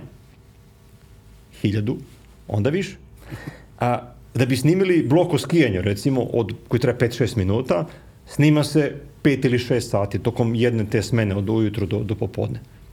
Zašto? Zato što ne možeš samo se spustiš da bi taj kadar bio tu, da bi ti mogo da kažeš kako treba, da bi rekao pravu stvar, moraš i da vidiš. Znači, ne možeš samo da baneš kažeš znam sve. O, to je to. Znači, moraš i da vidiš, moraš i da pitaš, moraš da ostaviš sve mesta da pogrešiš i da ispraviš. Dakle, gomila stvari se radi na, na, na, na pripremi. Da bi ti ušao neki hotel da snimiš sobu, ti moraš da pripremiš, da se najaviš, da dogovoriš ko će te uvede u sobu, da ti dozvole da snimiš. Da bi snimao put, moraš da imaš dozvolu za snimanje. Znači mi moramo da se javimo zemlji u kojoj putujemo. Mi smo recimo u Hrvatskoj morali da platimo a, taksu da bi mogli da na autoputu stavimo da snimamo. Da bi prosto to izgledalo kako treba da izgleda. Tako je. Ali tamo kod njih je takav propis. I to da bi snimio granicu. Znači može da snimiš inkognito, ko što youtuberi rade, stavim GoPro, pravim se blesa i radi, kad to pusti na YouTube-u nikom ništa, ali kad pusti na nacionalnoj televiziji, to se vidi. Vraćamo se nos početka i ja to pošaljem da se vidi, ili oni vidi bez mene, onda to tamo neko ceni. I onda ne može da se radi stvari koje su mimo, pro, mimo propisa, mimo pravila, jer ti drugi put će zatvoriti vrata. A imali smo sa nekim zemljama, te, sad da ne kritikujem nikoga, da nas zove iz ambasade i kaže, ok, ove godine nećete imati gostopremstvo. Jer smo radili neke stvari koje smo mi mislili da su u redu. Dakle, sve pitanje kompromisa. Mi možemo da kritikujemo neku instituciju i da kažemo oni su ovakvi, oni su onakvi, sve možemo, ako imamo argumente. Ali ne možemo da prostavimo žuč na ekran, da kažemo, evo mi mislimo da ovo ništa ne valja. Ako nemamo argument konkretan, oko koga se vrtimo, ne možemo, jer mi teme sebi zatvorimo vrate, a sutra kad tražem instituciji odgovor na pitanje koliko je nečega ili da li nešto može, ili sagovornika tražim, ja ga ne dobijem. Mi smo imali situaciju sa, s tehničkim pregledima i sa MUP-om pre par godina ozbiljno, gde smo imali argumente, gde smo objavili istraživanje, bili na tehničkim pokazali različitu praksu, znači sve crveno belo bilo, ono su bilo u boji, tako bilo na ekranu. Nama su sva vrata zatvorili. Nijedan podatak, nijedan sagovornik, niko neće pred kameru. I onda ljudi kažu, pa da, ali emisija me je dosadan, niste pustili ništa. Niko neće pred kameru, šta da ti pustimo onda? I onda sve je kompromis. Da, da bi sačuvao mogućnost da radiš, mora da radiš po nekim pravilima. A opet ne možeš da radiš po pravilima, a da ne pokažeš ono što jeste. A kad pokažeš ono što jeste, onda se naljute ovi što jeste. I, ali opet, kad kažeš, znači način na koji kažeš, mora da bude sa argumentom. Ne može da bude a, divlji, ne može da bude kritizerski. Ja recimo sad, pa, bila je patrola do Koponika, mi smo pokazali... Je ogromna odgovornost zato što ljudi to upijaju i to je kredibilna informacija. Patrola je bila do Koponika zimska, mi smo pokazali jednu grešku na autoputu sa denivelacijom kolovoza koja zaista nije prijatna, gde može da bude opasno. Ja sam mogao da kažem, ovi su ovakvi, ovi su onakvi, razne imenima. Da, ovde... Ne, ja sam rekao, ovo je problem zbog toga i toga. Način na koji ja izgovorim, možda ne prija svima jer nije dovoljno oštar, ali ja sam rekao istu stvar. Onda dobijem poziv od inženjera koji to radio, on kaže, jeste, video sam, taka i taka stvar, mi želimo da damo objašnjenje i mi se dogovaramo kako ćemo sad objasnimo šta su to radili, da su, da pustimo taj snimak. Znači, sad mi gradimo dalje sadržaj, gledalci imaju šta da vide. Da sam ja uzeo i prosao žuč, ovi kažu, e, ono, nemoj ovoga. Nije kao nekad da si mogu da nekom narediš da dođe na ekran, više ne može. Ok, e, pomenuli smo patrole i upravo smo malo to i načeli i sad ne moramo da, da detaljišemo uh, mnogo uh, više, da kažemo o tom mnogo više. Da, ovaj, ne moramo da još detaljno da rašanjamo taj proces, a, ali koliko ta priprema u odnosu na period pre 15-20 godina, dakle koliko se usložilo, jer patrole su nešto što postoji jako, jako dugo i ljudi su navikli na to, ja znam i ljude koji ne, ne gledaju redovnu emisiju, ali kupe ili sat magazin ili pogledaju pre nego što sada može na YouTube-u, pre nego što krenu na more ili će da krenu na skijenje i kao čekaj da pogledam. Čak znam i neke ljude koji su kao, jeste stvarno ona rupa tamo gde su rekli. Jer prate to po kilometraži. Da, e, iskomplikovalo se mnogo više ne- nego što je nekad bilo. A, Šta, šta se to sve promenilo? S jedne strane, nekad davno a, nisi imao 100 kanala kad uzmeš daljinski ruku, nego si imao mnogo manji broj i kada se emituje patrol, ti si bio jedini. I šta god ti da pokažeš, to je istina. Jer nema ko drugi da kaže da nije. Nema YouTube-a, da neko ode sad snimi i kaže vidiš, to nije tako. Dakle, ti moraš mnogo detaljnije da pripremiš stvari i da zaista budeš siguran da si izvukao najvažnije podatke i najvažnije situacije, najvažnija mesta, jer si pod oštrijom lupom, je tako, javnosti. To je jedna stvar. Druga stvar koja se promenila, nekada davno putevi nisu bili kao danas, dakle ja znam da ljudi ne misle o putevima u Srbiji baš najbolje, ali nekada su putevi bili u mnogo veća katastrofa, mi smo čak puštali neke snimke nedavno. Dakle, samo putovanje je bilo avantura. Da ti od, odeš od Beograda do Budve, to je bila drama, znači spavaš na Zlatiboru da se odmoriš put preko Borove glave je bio samoubistven. Danas nije tako. I onda se patrola nekada kreirala od gomila stvari koje se ti usput mogao da vidiš. Sedneš u auto i ideš. I to što vidiš, to pričaš. Danas više nije tako. Danas moraš da imaš mnogo, mnogo više inventivnosti kako ta patrola bude zanimljiva, jer više nemaš takve stvari na putu da ima oko rupa iz koje viri auspuh. Na glavnim magistralnim pravcima toga nema. Bilo nekad, sad se pomenjalo. A, dakle, to je druga stvar koja se promenjala. I treća stvar koja je možda najvažnija jeste što kod mene lično postoji um, ako, jedan dilema. Dakle, dok je Mirko nešto radio, ljudi su to gledali i danas oni pamte najbolje stvari koje je on uradio. Najlošije ne pamte. Dakle, ono što je bila njegova greška ili što im se nije sviđalo, to ne sjećaju se toga. Oni su u glavi idealizovali sliku, kaže, ovo je bilo perfektno. Ja Danas kada radim patrolu, ljudi svesno ili nesvesno to porede sa onim što je bilo najbolje iz njegovog doba. I onda moram biti dostojan toga. E, zato se planira još detaljnije, da bi to bilo još bolje, još lepše, da bi bili dostojni nasleđa. I onda patrole danas imaju malo drugačiji sadržaj, malo drugačiji koncept nego što su onda imale. Recimo, on kada stigne u Paraliju, on je posvetio Paraliji 3-4 minuta, a mi danas kad stignemo u bilo koje mesto, mi posvetimo 20 minuta, jer put je mnogo lakši, sad je sve autoput, mnogo je bezbednije, mnogo manje detalja ima, a opet mnogo ljudi više putuju, mnogo veći broj ljudi odputuje negdje i žele da znaju tamo šta, šta ima i šta ih čeka. Tako da neke stvari se jesu promenile, ali opet i zbog toga je potrebno mnogo više planiranja, mnogo više vremena da ti dođeš do toga da ok, sad smo seli auto da krenemo. A, I apetiti gledališta su porasli. Izvini, malo čas kad si Nije rekao... više dovoljno otići u Grčku i Crnogoru. Da. nije dovoljno otići na Koponik. Mi sada moramo da idemo mnogo dalje. Mi smo radili patrole skroz do Kušadasija, patrole do Austrije, patrole do Italije. Sad moramo mnogo dalje, mnogo više se trudimo, jer na kraju kreva broj naših ljudi koji putuju daleko je mnogo veći. Automobili koje vozimo su ipak bolji nego pre 30 godina. E, teo sam samo da, da, da pomenem ovo, ovaj, pa sam krenuo da te prekinem, izvini. E, kada pomeneš, nije bilo toliko kanala, borimo se za gledalce, e, zapravo ljudi ne razumeju, pomenu si dron pre par minuta. Znači, da, ljudi ne razumeju, ne moraju ne da razumeju ni njihova struka, ali da biste vi imali taj atraktivni e, kadar iz drona koji traje 10 sekundi, to se penali sat Tako vremena, nekad, nekad i više. da bi se to dobilo ili sat i po, da bi se dobilo tih 10 sekundi koje će da bi gledalac na ne zna šta je mesto video. stali, da bi Tako je. pilot mogao da uradi svoje, Tako da je. nas ne bi saobraćaj pokrio i tako da je tako da. Gledalac ne zna šta, je video, ali vidi da je, da je lepo. ali mnogo veliki trud stoji za toga, za te neke sitnice koje zapravo su Na kraju krajeva, da bi znali mi da kažemo ljudima sa autoritetom idite u vuda, nemojte u vuda. Treba vreme za to. Ne, mora da bude kredibilno. Niko se ni rodi naučen, mora i mi da naučimo da bi to valjalo. Tako je. Ok, sad e, pitanje ovaj, koje Uh, ja prosto znam već odgovor na njega. Kao, da li imate vremena kad stignete tamo da se odmorite, kada dođete na more da se okupate ili kad dođete na skijalište da se, iluzije. da se Ovaj, skijete? da, i, i, i skoro je bio jedan komentar, kaže, eto, vi idete na skijanja, na, nama samo pokazujete gde ste bili. dakle, da bi emisija bila aktualna, ona mora da se snimi, izmontira i emituje U najkraćem mogućem u roku. najkraćem mogućem roku. I taj rok je najduže 10 dana. Naj, znači, ako Mogu ja da emitujem u patroli da danas nešto postoji na putu, a pokažem to za mesec dana, to više ne važi. Znači, to je jedna stvar. A, druga stvar, mi kada a, snimamo, imamo puno toga što mora se snimi. Da bi izmontirali 10 minuta nečega, mi moramo da imamo više sati materijala o tome da bi to bilo tačno kako treba. Da bi se to snimilo, neko mora da negde ode, stane, uključi, isključi, premesti se, dogovori, znači, to, to je to proces. I onda zapravo, a, to što ljudi odgledaju kao najlepši deo, mi ga napravimo da on izgleda kao najlepši deo. Ali da bi se to desilo, i tu je zapravo jako veliki pritisak. Mi kada dođemo na lokaciju, najčešće to veče pravimo plan za snimanje sutra preko sutra sa domaćinom. Znači, proverimo naš plan sa domaćinom, da li on smatra da su mi nešto možda pogrešili, adaptiramo ga i onda se jedan dan snima ili jedan i po dan i vraćamo se nazad. Praktično kako dođemo, tako se snimi lokacija, vraćamo se nazad. I mi smo u tri ili četiri dana snimanja napravili proizvod i nemamo jedan dan lufta da se odmorimo i da odemo da malo vidimo i tako dalje.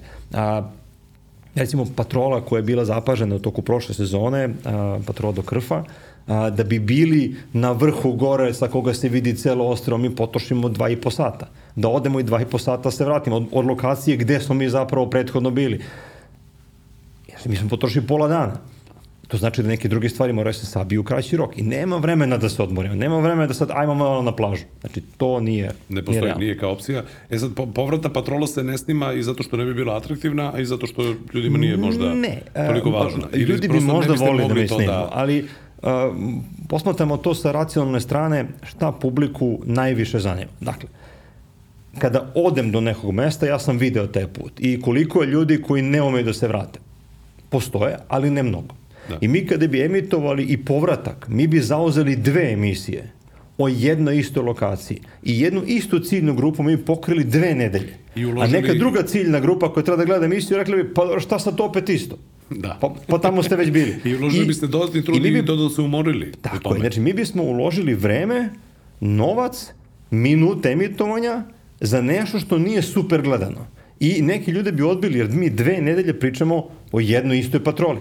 I onda je to kompromis koji kažemo, ok, malo patrola, malo automobili, malo ovo, da bi sve ciljne grupe pokrebe i svi ljudi bili na kraju zadovoljni, jer kad bi emitovali pet nedelja, pet patrola, neki ljudi bili jako srećni, a neki ljudi više ne bi gledali emisiju. E, moramo da pravimo taj balans, jer nas gleda široka grupa i moramo svima da se dopadnemo. E, sad jedno pitanje koje pomenuli smo ovaj, a, i vožnja skup predviđenja događaja i saobraćaj živa stvar i saobraćaj sam po sebi ume da bude jako opasan i sve su više brzine kojima se vozi a, novi vozači nastavaju svaki dan, pa i voze sa man, ovaj, ljudi koji su manje iskusni. Koliko ste puta zaista na snimanju bili u situaciji da je, da je možda situacija opasna po život? Iako vi gledate, budete naravno propisno beleženi, da nikako ne ugrožate saobraćaj, a, koliko, koliko ste zapravo izloženi riziku i da li pamtiš neku posebnu situaciju kada je moglo da ovih bude... 32 godine sada, a, pamtim tri ozbiljne situacije. Dakle, to što nije mnogo. A, jedna je bila davno u Crnoj Gori, na putu kroz Hanjeno Morače. A, ja sam tad bio suvozač, a, Mirko je vozio. A, nas je preticao automobil u krivini, s druge strane išao kamion. I došli smo u situaciju da su tri vozila gotovo jedan pored drugog. Ili će onda pogine, ili ćemo mi da sletimo s puta. I sama sreća je bila da postoji malo jedno proširenje sa desne, ali vrlo malo, to je za, za, za trećinu automobila. gde smo mi došli sa dva točka na to proširenje i ovaj auto kojem se preticuje prošao između nas i kamiona. I taj snimak je emitovan čak i na televiziji Crne Gore, to smo pustili u patroli, to je bilo onako baš vrlo, vrlo dramatično, a to je moglo se završiti mnogo loše. Dakle, to je ono, ono je dozgodno s pogleda. A, druga situacija koja nije bila opasna, više je bila neobična, je pri povratku, mislim da je bio sajam u Ženevi, vraćali smo se automobilom i ušli smo, naravno, iz Hrvatske u, u Srbiju i vozimo autoputem i, znači, to je bilo pre 20 godina. I sa suprotne strane autoputem vidimo auto koji ide istom brzinom kao i mi, vozi u suprotnom smeru. Danas imamo niz takvih snimaka, ali da. mi smo i tada to imali. I vozi 120, 130, 140, isto koliko mi, vozimo paralelno. I sad, mi dodamo gas, da idemo ispred njega, da bi snimili, naravno, novinarstvo nam ne da da odmorimo, daj da mi to snimimo. I kako smo stali, kako smo ovaj, zaustavili u zaostavnoj traci, kolega snimatelj i ja smo pretrčali autoput, da stavimo između dve ograde. Što nije bilo pametno uopšte, ali do, tamo nije bilo nikoga. Uglavnom, automobil koji dolazi staje preko puta nas i čovjek izlazi iz tog auta i zavlači ovako ruku pod jaknu i viče, znaš ti ko sam ja, nemoj da snimaš. U tom trenutku mi ne znamo ni ko, ni koga smo snimili. Mi se vraćamo nazad preko autoputa i on dolazi do nas. Sad se tu razvija rasprava koja nama ne da da odem. On je lego na hauba automobila. Gde mi zovemo policiju. Gde oni ne mogu da dođu jer nemaju goriva. Patrola u tom trenutku nema benzina da dođe. I, znači, potpuni kolaps. Mi uspemo da prođemo ipak i da odemo. Na kraju se ispostaje, da skratim priču, ispostaje da to radnik u autoservisu kod motela Adaševića da mu je gazda rekao, nemoj to da reći svake nedelje tako na posao, nemoj to da reći, uhotit ćete jednom neko, ostaćeš bez posla. Onda je ona zvao, molio da to ne emitujemo, da ne pustimo. Na kraju nismo pustili. Da, čita cirkus se napravio od toga. Ali eto, to je situacija koja je onako nadrealna. A, nažalost, na tom istom putu je a, žena koja radi na careni neposledno pre toga poginula. Isto se tako vraća u suprotnom smeru. Ali to je 20 godina. I treća situacija koju pamtim je bila a, pre dve godine. A, išli smo za Crnu Goru na patrolu Imali smo direktno ispred nas sudar čeon između jednog Audi i jednog kamiona na izlazu iz Užica, gde smo bili tik iza njega, gde auto gledam ko leti ovako na mene i ja nešto šta da radim. Odnosno, imao sam sreću da držim ostojanje koje je koliko toliko u redu i da ne budem u strahu, dakle da razmišljam šta da radim. Ja sam se pomerio desno i zakočio auto, prizemljio se zapravo na bukvalno metari pod mene, a kamion je stao na metari pod mene s leve strane. Ja sam se našao u trouglu dok sam gledao, ja sam razmišljao šta ću, kočio i pomerao se u desno. Neko bi ostao pravo, zato što te auto je pao desno. Ali da sam ostao na tom mestu, kamion bi udario pravo mene. Cisterna koji ide nizbrdo. No, to je, to je veći refleks. I to je bio snimak, ja sam to uradio jedan live na, na, na, na Facebooku i rekao sam, ok, od sad više ne idemo lošim autom nikad na patrolu i ma šta ko misli o tome što idem novim autom, pitanje je naš život, treba kuće se vratimo svojim porodicama, mi smo toliko mnogo na putu i nema razloga da nam bude neudobno, da se mučimo i da rizikujemo život za šta? Da bi neko bio srećan što se nama pokvari auto, što smo pokvarili, pokazali emisije kad nam se pokvari auto, to ne vidim nikakvu sreću. Tako da ovaj to su tri situacije koje pamtim, od ih ima još, ovaj, a sad ne, da Vaša statistika je prosto tako, toliko vremena pro, pro, provesti na putu, na točkovima, toliko kilometara, prosto da, to, to je to je nešto što što ljudi koji su pred malo ekrana možda ne razumeju. Dakle oni putuju na daleku neku destinaciju jednom, dva put, tri put godišnje a mi smo svaki dan u autu. Mi za sezonu letnjih patrola napravimo 20.000 km za 5 ili 6 nedelja. Već mi smo izloženi riziku. Izloženi smo stresu, znači neudoban auto, mali, tesan, bučan, takođe doprinosi da se ti zamaraš više i ne može da uradiš svoj posao, ne mogu na ekranu da budem to što jesam, ne mogu da razmišljam, da pamtim, da znam, da budem svež i u četvrtoj patroli i u petoj. Znači, ja moram da imam udobnost na svom radnom mestu. Kao što neko ko radi u fabrici očekuje da ima grejanje. Očekuje da ima cipele da mu ne padne nešto u nogu. Kao što neko ko radi u pekari očekuje da, da ne izgori u peći, ili tako? Mora da ima udobnost i bezbednost na svom radnom mestu. Osnovno bezbednost Nama na rad. alat za rad naš, udobnost i bezbednost garantuje taj auto. I zašto ne idemo polovnim autom na, na patrolu? Tri razloga. Prvi, niko nema da nam da dva polovna auta dovoljno velika da se družimo s njima dva meseca i da nam ovaj, plati troškove goriva i putarine i svega ostalo. To niko neće. Uvozni polovnjaka, evo znaš ti najbolje, to neće. Drugo, polovan auto ne znači krš. Polovan auto koji je pristojno drža može da pređe bilo koju destinaciju. Pogotovo što mi putujemo, rekao sam, 400 km dnevno. Polovan auto koji ne može da pređe 400 km dnevno je za otpad, nije za vožnju. Znači, ne postoji polovan auto koji je ispravan koji to ne može. I treća stvar, mi kada pokazujemo na patroli sadržaje, gledalcu ne znači ništa kojim smo mi autom išli. On ne dobije neku bolju informaciju kakva je krivina i koliko je nešto daleko i koliko je nešto skupo. A da li ćemo mi prikazati da nam se auto pokvario, pa kako smo rešili popravku? Nećemo.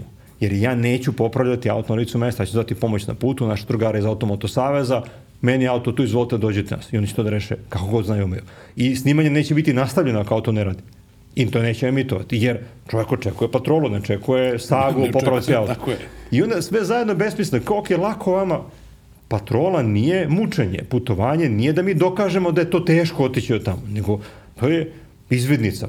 Ljudi pre nego što krenu pitaju dobrog prijatelja, e, kako je to tamo bilo, kako je put? I mi im kažemo. Znači, ne dokazuje mi da to nešto, neki napor nadljudski, razumije. Znači. Ja sam imao komentare kada, kada se otvorila princesa Ksenija od Crne Gori i ja sam sticam okolnosti ukazalo se prilike da kao ajde baš da vidimo to. I da ti izgore auto, nije? Ne, nije, da, da kucamo drvo, ali planulo onih nekih sedam automobila, ne moramo sada da, da se okrećemo ka, ka, ka, ka francuzima, ali ovaj, ja sam otišao sa, sa mojim vozilom i u komentarima je dosta provejavalo, ej, pa lako je tako, tvoj auto ima, ne znam, tri godine, dve godine, kao što nisi išao polovim. Pa, Dokazaj me da je teško, vam pokazam kako to tamo izgleda. Pa, trebalo se zapalim, da, bi, da biste bili srećni, ali dobro, to se dešava, mislim, ja verujem da ti ljudi nisu ovaj, u većini, nego da zapravo većina, mislim, opet 100 ljudi, 100 ljudi, ali tako? Ovaj, ali, ali u većini ovaj, gledalci su Kao što svako želi da se njemu njegov najrođeniji vrati sa posla svaki dan kući, zdrav, bez problema, kičme nogu glave, nebitno, očekuje da mu se vrati a, nasmejan, a, da bude prisutan svojoj porodici, jer na poslu ima on dovoljno normalne uslove da radi, tako to i moja porodica očekuje i zato se na patrolu i gde god se ide, najboljim, najnovijim, najskupljim, najodobnijim automobilom koje možemo da nađemo, koji neko može da mu ustupi da bismo ga koristili za tako nešto, jer ima života i posle patrole. I ne samo to, nego imate dovoljno ne, planiranih, ne, ajde da kažem, ne planiranih, nego nepredviđenih okolnosti koje mogu da se dese. Pa samo još fali to da, e, kao nema Koliko ljudi ima problema sa kičmom danas? Idemo malo u medicinu. I koliko ljudi ima problema da sedi dugo? Zašto bi ja želeo da imam takav problem? Zato što sedim na neudobnom decenijama, ali tako. Želim da budem zdrav što duže mogu, jer činim sebi da budem zdrav. Niko dobrovoljno neće da ide da, da radi napolju na zimi u sandalama da bi onaj drugi što nema za cipele, ima samo za sandal, rekao, e, svaka ti čast. Ne, obućeš cipele zato što ih imaš, znači to je to. Tako je. da li se dešavalo, pomenuo si malo čas taksu u Hrvatskoj, da li se dešavalo da nekad platite kaznu neku inostranstvu? Na sreću, ne. Odnosno, meni se lično desilo, ali ne kao um, deo snimanja, ne kao ekipe. Platio sam nekoliko kazni na automatskim onim kamerama, što šljocnu. Uh, na prezentacijama nekim kod Opela, kod Renault i tako, do, dođe mi kući. Znači, inače ne dolazi ovde. Ali pošto se zna da sam ja vozio taj auto na toj prezentaciji, oni lepo uredno pošalju i kažu, izvoli. Desilo mi se onda platim dve kazne. A, za, za, za isti trenutak, a, a ja sam mogao da vozim samo jedan auto. Jer sam mojom a, kreditnom karticom platio renta kar dva automobila. I ljudi koji su vozili, ok, ja nisam bio tad u auto, to je deo ekipe naše, u tunelu u Švajcarskoj su vozili, ne znam, 110, gde nije moglo da se za 110 i obe kazne su stigle kod mene. Iako ja nisam bio baš u auto. Pa i su da- usporio da... to, ali ja nisam ovaj... Ne, ne, ne, platio sam sve, zato što ovaj, nije se raspravati sa švajcarcima. Ovaj. Kako ono kaže, kako uzao sam novi Lambo u Švajcarskoj, ima da ga izvozam za 500 franaka. Zbog kamera.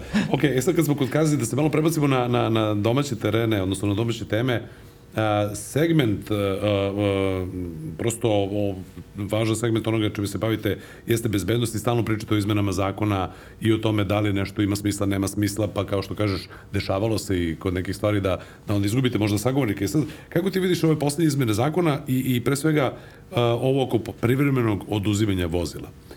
Da, li tu, tu ima dosta suprostavljenih stavova, da li je to po tebi opravdano, kako će to da funkcioniše u praksi, ne znam kako će funkcioniše u praksi, a voleo bih da se stvar uredi još malo preciznije, zato što ta institucija nije izmišljena u Srbiji. Dakle, oduzimanje vozila postoji u drugim zemljama a, i nekim ljudima nije moguće dokazati na drugi način da prestanu da rade to što rade, osim da se oduzme automobil. Dakle, ne postoji dovoljna kazna. A, mi imamo ljudi koji su skupili 18 poena, pa išli na one kurseve sve silne, pa su opet ostaje bez dozvoli pored svega toga. Znači, nekim ljudima nije moguće dokazati. Ili kod psihijatra, verovatno to bi moglo da se uvede, ili da im se oduzme automobil. Ali za sada kako su stvari napisane, deluju dovoljno uopšteno da i mogu da se zloupotrebe, ili a, može neko ko je potpuno nedožan zapravo dođe pod udara svega toga i da mu se život promeni bez razloga jer danas automobil je teško stečena imovina i naprosto nije fair. A, tako da ovo nije loša ideja, ali morala bi da se definiše mnogo preciznije da bi zaista bila a, efikasna, da bi zaista kod onih koji su nepopravljivi dala neki efekat da bi mogli da kažemo ok, onih a, jedan promil tih najgorih, ok, nešto ćemo još da probamo sa njim. Jednostavno, mnogi naši propisi nisu nedorečeni i to mi nije jasno kako je moguće da i posle toliko godina znamo šta su problemi i opet donesemo nove propise i budu onako. Malo negde. i levo i desno, da. Nama je potrebno da nekoliko generacija vozača stasa pod propisima koji su stroži nego što treba. I mi smo dugo bili raspušteni. I a, pomalo da se vraćamo u red ne funkcioniše jer mi vučemo nazad kao onom raspuštenom stanju. Nama treba nekoliko generacija vozača da odrastu u vrlo strogom sistemu, pa onda da to vratimo na normalu, jer će onda neko kulturno ponašanje postati obrazac, pa neće morati neko da vam kaže da ne bacimo papirić na, na trotora, da ne pljunemo na trotora, tako sve to malo karikiram, ali neke stvari će postati podrazumevane. Za sad ih nema i moramo nekako da te naše mlade vas pitamo da, da im se podrazumevaju neke normalne stvari. E, da li misliš, kad pričamo o izmenama zakona i, i, i pravilnicima, da li će zaživeti uvoz iz Amerike? Ja, siguran sam da će zaživeti, ali sam siguran da će biti potpuno nevažan. A, u nekim drugim zemljama, kao što je Bugarska, koja je tu naša komošnika uvozi ono, polovnjaka, ne zna im se broj, kod njih se godišnje iz Amerike uveze 4-5 hiljada polovnjaka, dakle, ništa zanemarivo, odnosno ukupan broj polovnjaka koji oni uvoze. A, suviše to a, komplikovan proces, suviše to sve daleko od nas da bi zaista mogli da računamo da će to biti masovna stvar. Neki ljudi će dobro proći, pronaći neke fine primjerke automobila, dobacit će ih ovamo, rešit će se problem, ali to je zaista mali, mali broj. Ko će možda dobro proći? Proći će neki trgovci koji imaju dobre konekcije i onda će imati onako malo veći izbor automobila koje mogu da donesu, ali govorim o kupovini, ja sad sam sebi da bezbedim neki bolje auto, ne očekujem to, pogotovo što su propise napisane tako da neke tipično američke automobile kojih nema u Evropi, koji nisu pravljeni nikad za Evropu, neće moći da dovezemo. Zato što ne postoji dokaz nigde o emisiji izduvnih gasova, ni u Nemačkoj, prihvataće se nemačka dokumenta, ni ovde i onda ti automobili koji su egzotika neće moći da se uvezu, tako da mislim da to samo onako lep štos, a nerealna mogućnost. Ok, sad kada se već pomenuli izduvne gasove, ovaj, i pravo je vreme da porazgovorimo o ome. Dakle, u danima kada smo ovaj, dogovarali snimanje ovog podcasta, i, i tvoja redakcija i sa naše strane e, pokušava se dakle, da se sazna da li će biti zabrane uvoza Euro 3 i Euro 4 i Euro 4 Ko vam to rekao? na kraju smo svi, pa tako javila nam ptičica, na kraju smo svi ostali uskraćeni za tu zvaničnu informaciju, a videli smo da se za sada ništa nije desilo. Pa da malo prokomentarišemo ovaj problem, imam tu još jedno podpitanje. Dakle, mnogi kupci čini se da su mnogi kupci ostali bez subvencije za, za Euro 6, kupuju na Euro 6 polovnjaka, da trgovci biće. nisu mogli da obnavljaju. Biće. Jednog dana, biće. Biće. Dobro. Rekli su nam da će biti, da se nije odustalo. Kad? Kad? Čuće Biće. Dobro. E sad, znamo koliko naš prosječni vozač može da odlazi za automobil. Šta je tu najbolje rešenje? Da li da se ostavi Euro 4 i pod pitanje da li misliš da će uticati na cene polovnjaka? A, da li će poskupeti ti, ti polovnjaci ovde? Ovaj, koji, koji već postoje na našem tržištu? Zavisi od toga šta će prvo da se desi, šta je starije od svega toga, koji je prvi potez koji ćemo vidjeti da bude povučen. Ako se prvo a, zabrani uvoz Euro 3 i Euro 4 polovnjaka, ide se na Euro 5, što je zvaničnim državnim dokumentima već potvrđeno, bez obzira što su mi svi pronašali neki papir koji niko ne zna dakle, ali a, generalno po strategiji postoji to, znači to je trebalo već da se desi, znači od januara ove godine, to je to. Dakle, namera je tu. Ako se to desi prvo, a, ja verujem da će Euro 4 automobili koji su već na tržištu da malo poskupe. Euro 3 očekujem da neće, zato što je već uvoz Euro 3 automobila jako mali i a, trgovina Euro 3 automobilima a, je zapravo popularna ovde u lokalu, a uvoz inostranstva je zanemariv u odnosu na Euro 4 recimo i zapravo oni koji imaju da dobace do Euro 4 automobila, oni će biti tu i u dobro lošoj situaciji, ko već ima takav auto, moće skuplji da ga proda, ako hoće da kupi, mora će više da odvoji to će biti malo problem, jer to su najtražanije polovnjaci. Znači, to je ta kategorija za koju imamo još uvek para. Ako se desi da subvencije dođu među vremenu, to će biti zaista značajan potez i ja bih lično voleo da vidim da se proširi sve to i na benzince, ne samo na dizele, da se generalno subvencije prošire barem jednom kratkom periodu, da ljudi koji su na prelazu, znači imaju nešto para, imaju neki auto koji je pristojan, da im se pomogne da sednu u zaista dobar auto, da prvi put u životu sednu u nešto što je odličan auto i da su onda mirni 5, 6, 7, 8 godina, 10 godina možda i da onda mogu lepo da voze svoju porodicu, da jednom im se da mogućnost da vide šta znači voziti dobar auto. Jer će onda i kad im taj auto ostari, trudit će se da ga održavaju, da budu ispravan, da brinu o njemu, jer su dobili šansu da sedu nešto što je pristojno. Kad će to se desi, kako će se desiti, to niko žive ne zna. Znači, ono što je najavljeno je zaista dobro i, i, i vrednosti su zaista fine, ali se stalno odlaže. Zašto se odlaže? Mi smo tražili odgovor, vi ste tražili odgovor, nikoga nije dobio. Ja verujem da tu pitaju neki populizam, da se čeka neki grandiozan trenutak kad je to zgodno da se objavi i da onda svi kažu bravo, svaka čast, ne znam, ali a, da će se desiti, desit će se. Mislim da je samo pitanje trenutka.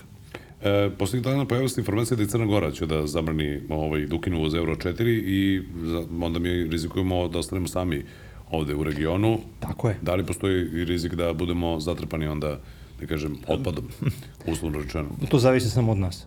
Šta želimo da kupimo i šta želimo da platimo, u čemu želimo i možemo da vozimo svoju porodicu. Da. Ono što je po meni mnogo bolja situacija i, i što bi, mislim, više pomoglo ljudima, ali sad to je kako mali Đokica zamišlja, tako, možda nisam u pravu.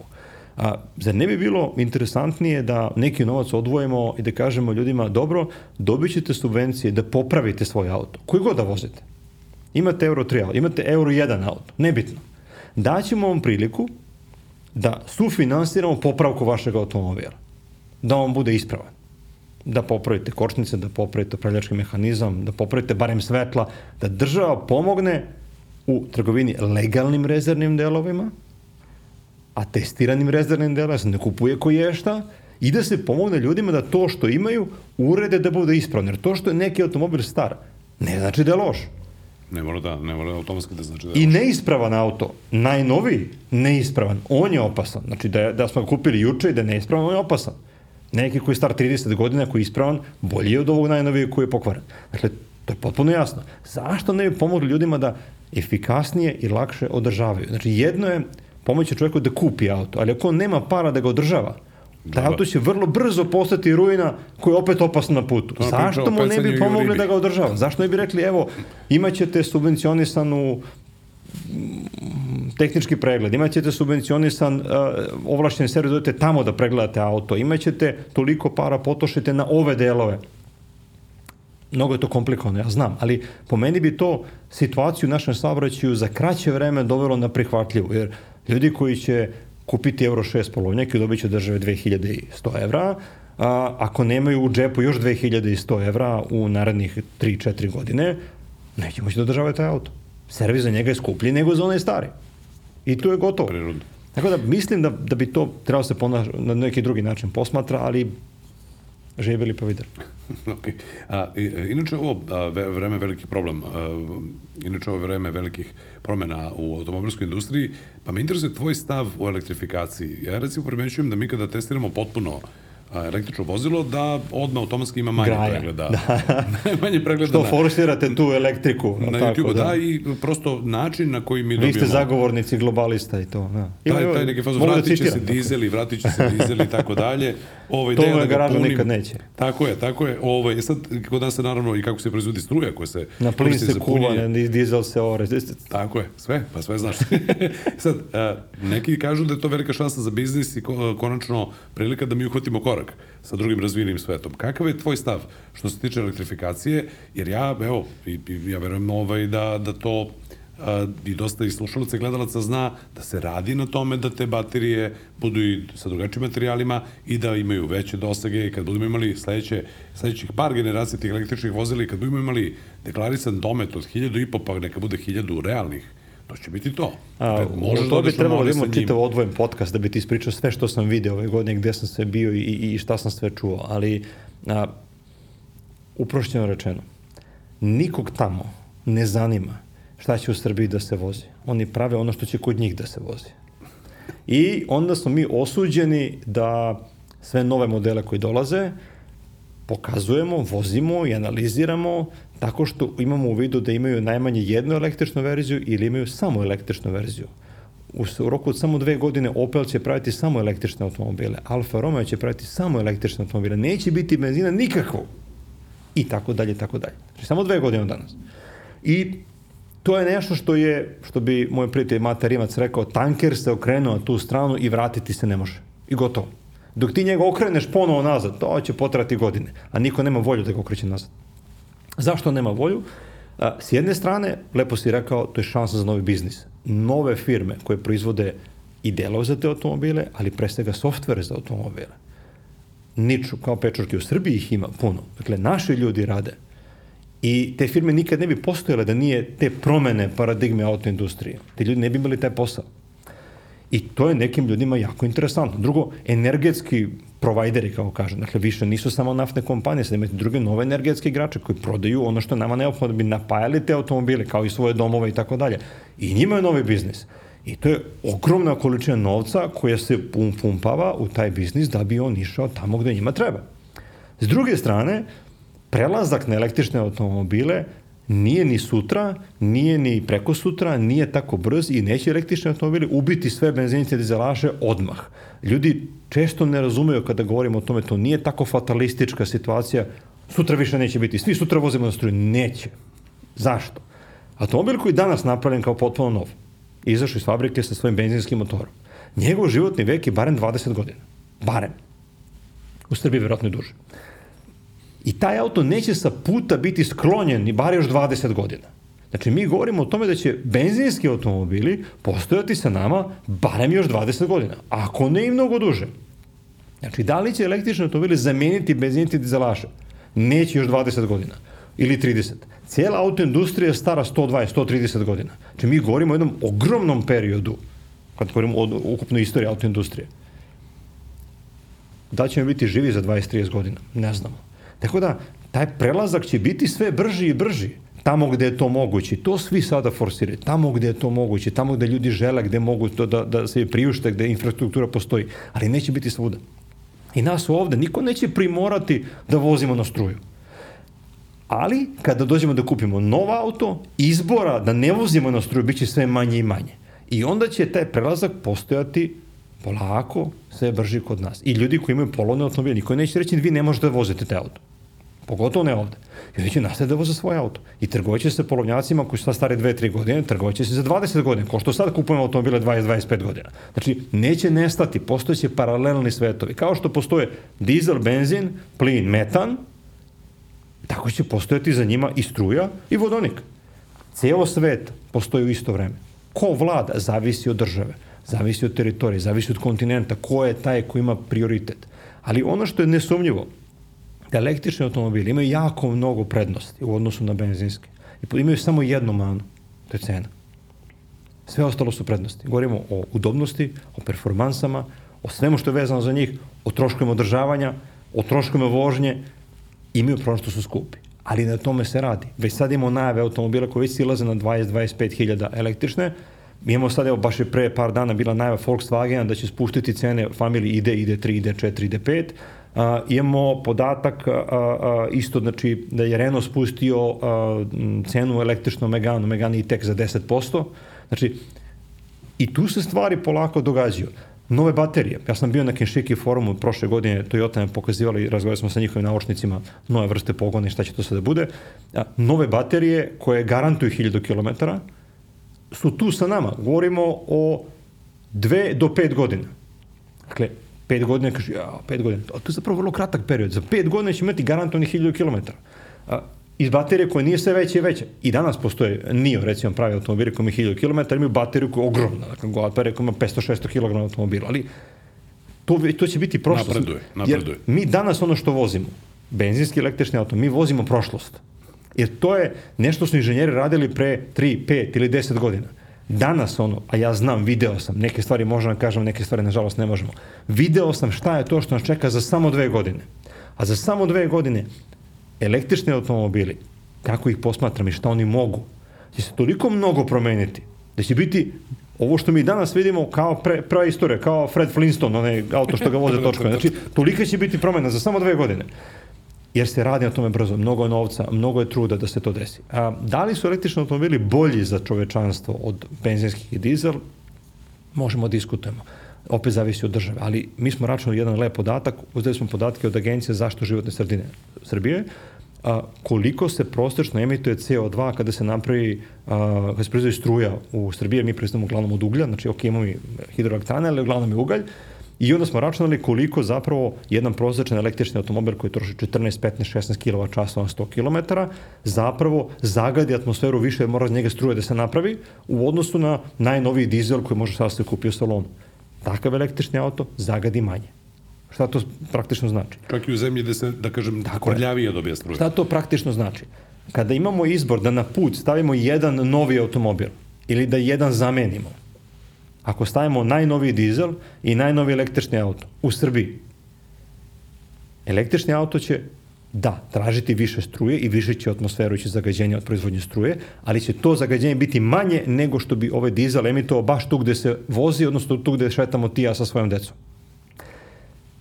U nekim zemljama kao što je Francuska ili kao što je Nemačka, još je više u korist električnog automobila. Sa mnogo vetroturbina, mnogo Šta je problem? Problem je infrastruktura. Problem je da li možemo da napunimo i tu struju, da li te struje ima. A onda opet analiziramo koliko mi izgradimo fabrika, stanova, neko napravi novu kuću, jer on razmišlja da li država ima struje za njega da uključi bojler, televizor ili šporet. Ne razmišlja, to se podrazumeva. Tako isto sa automobilima. Države su u obaveze to da rade, ali mi opet ne govorimo o tome, preći ćemo na struju da vozimo sutra.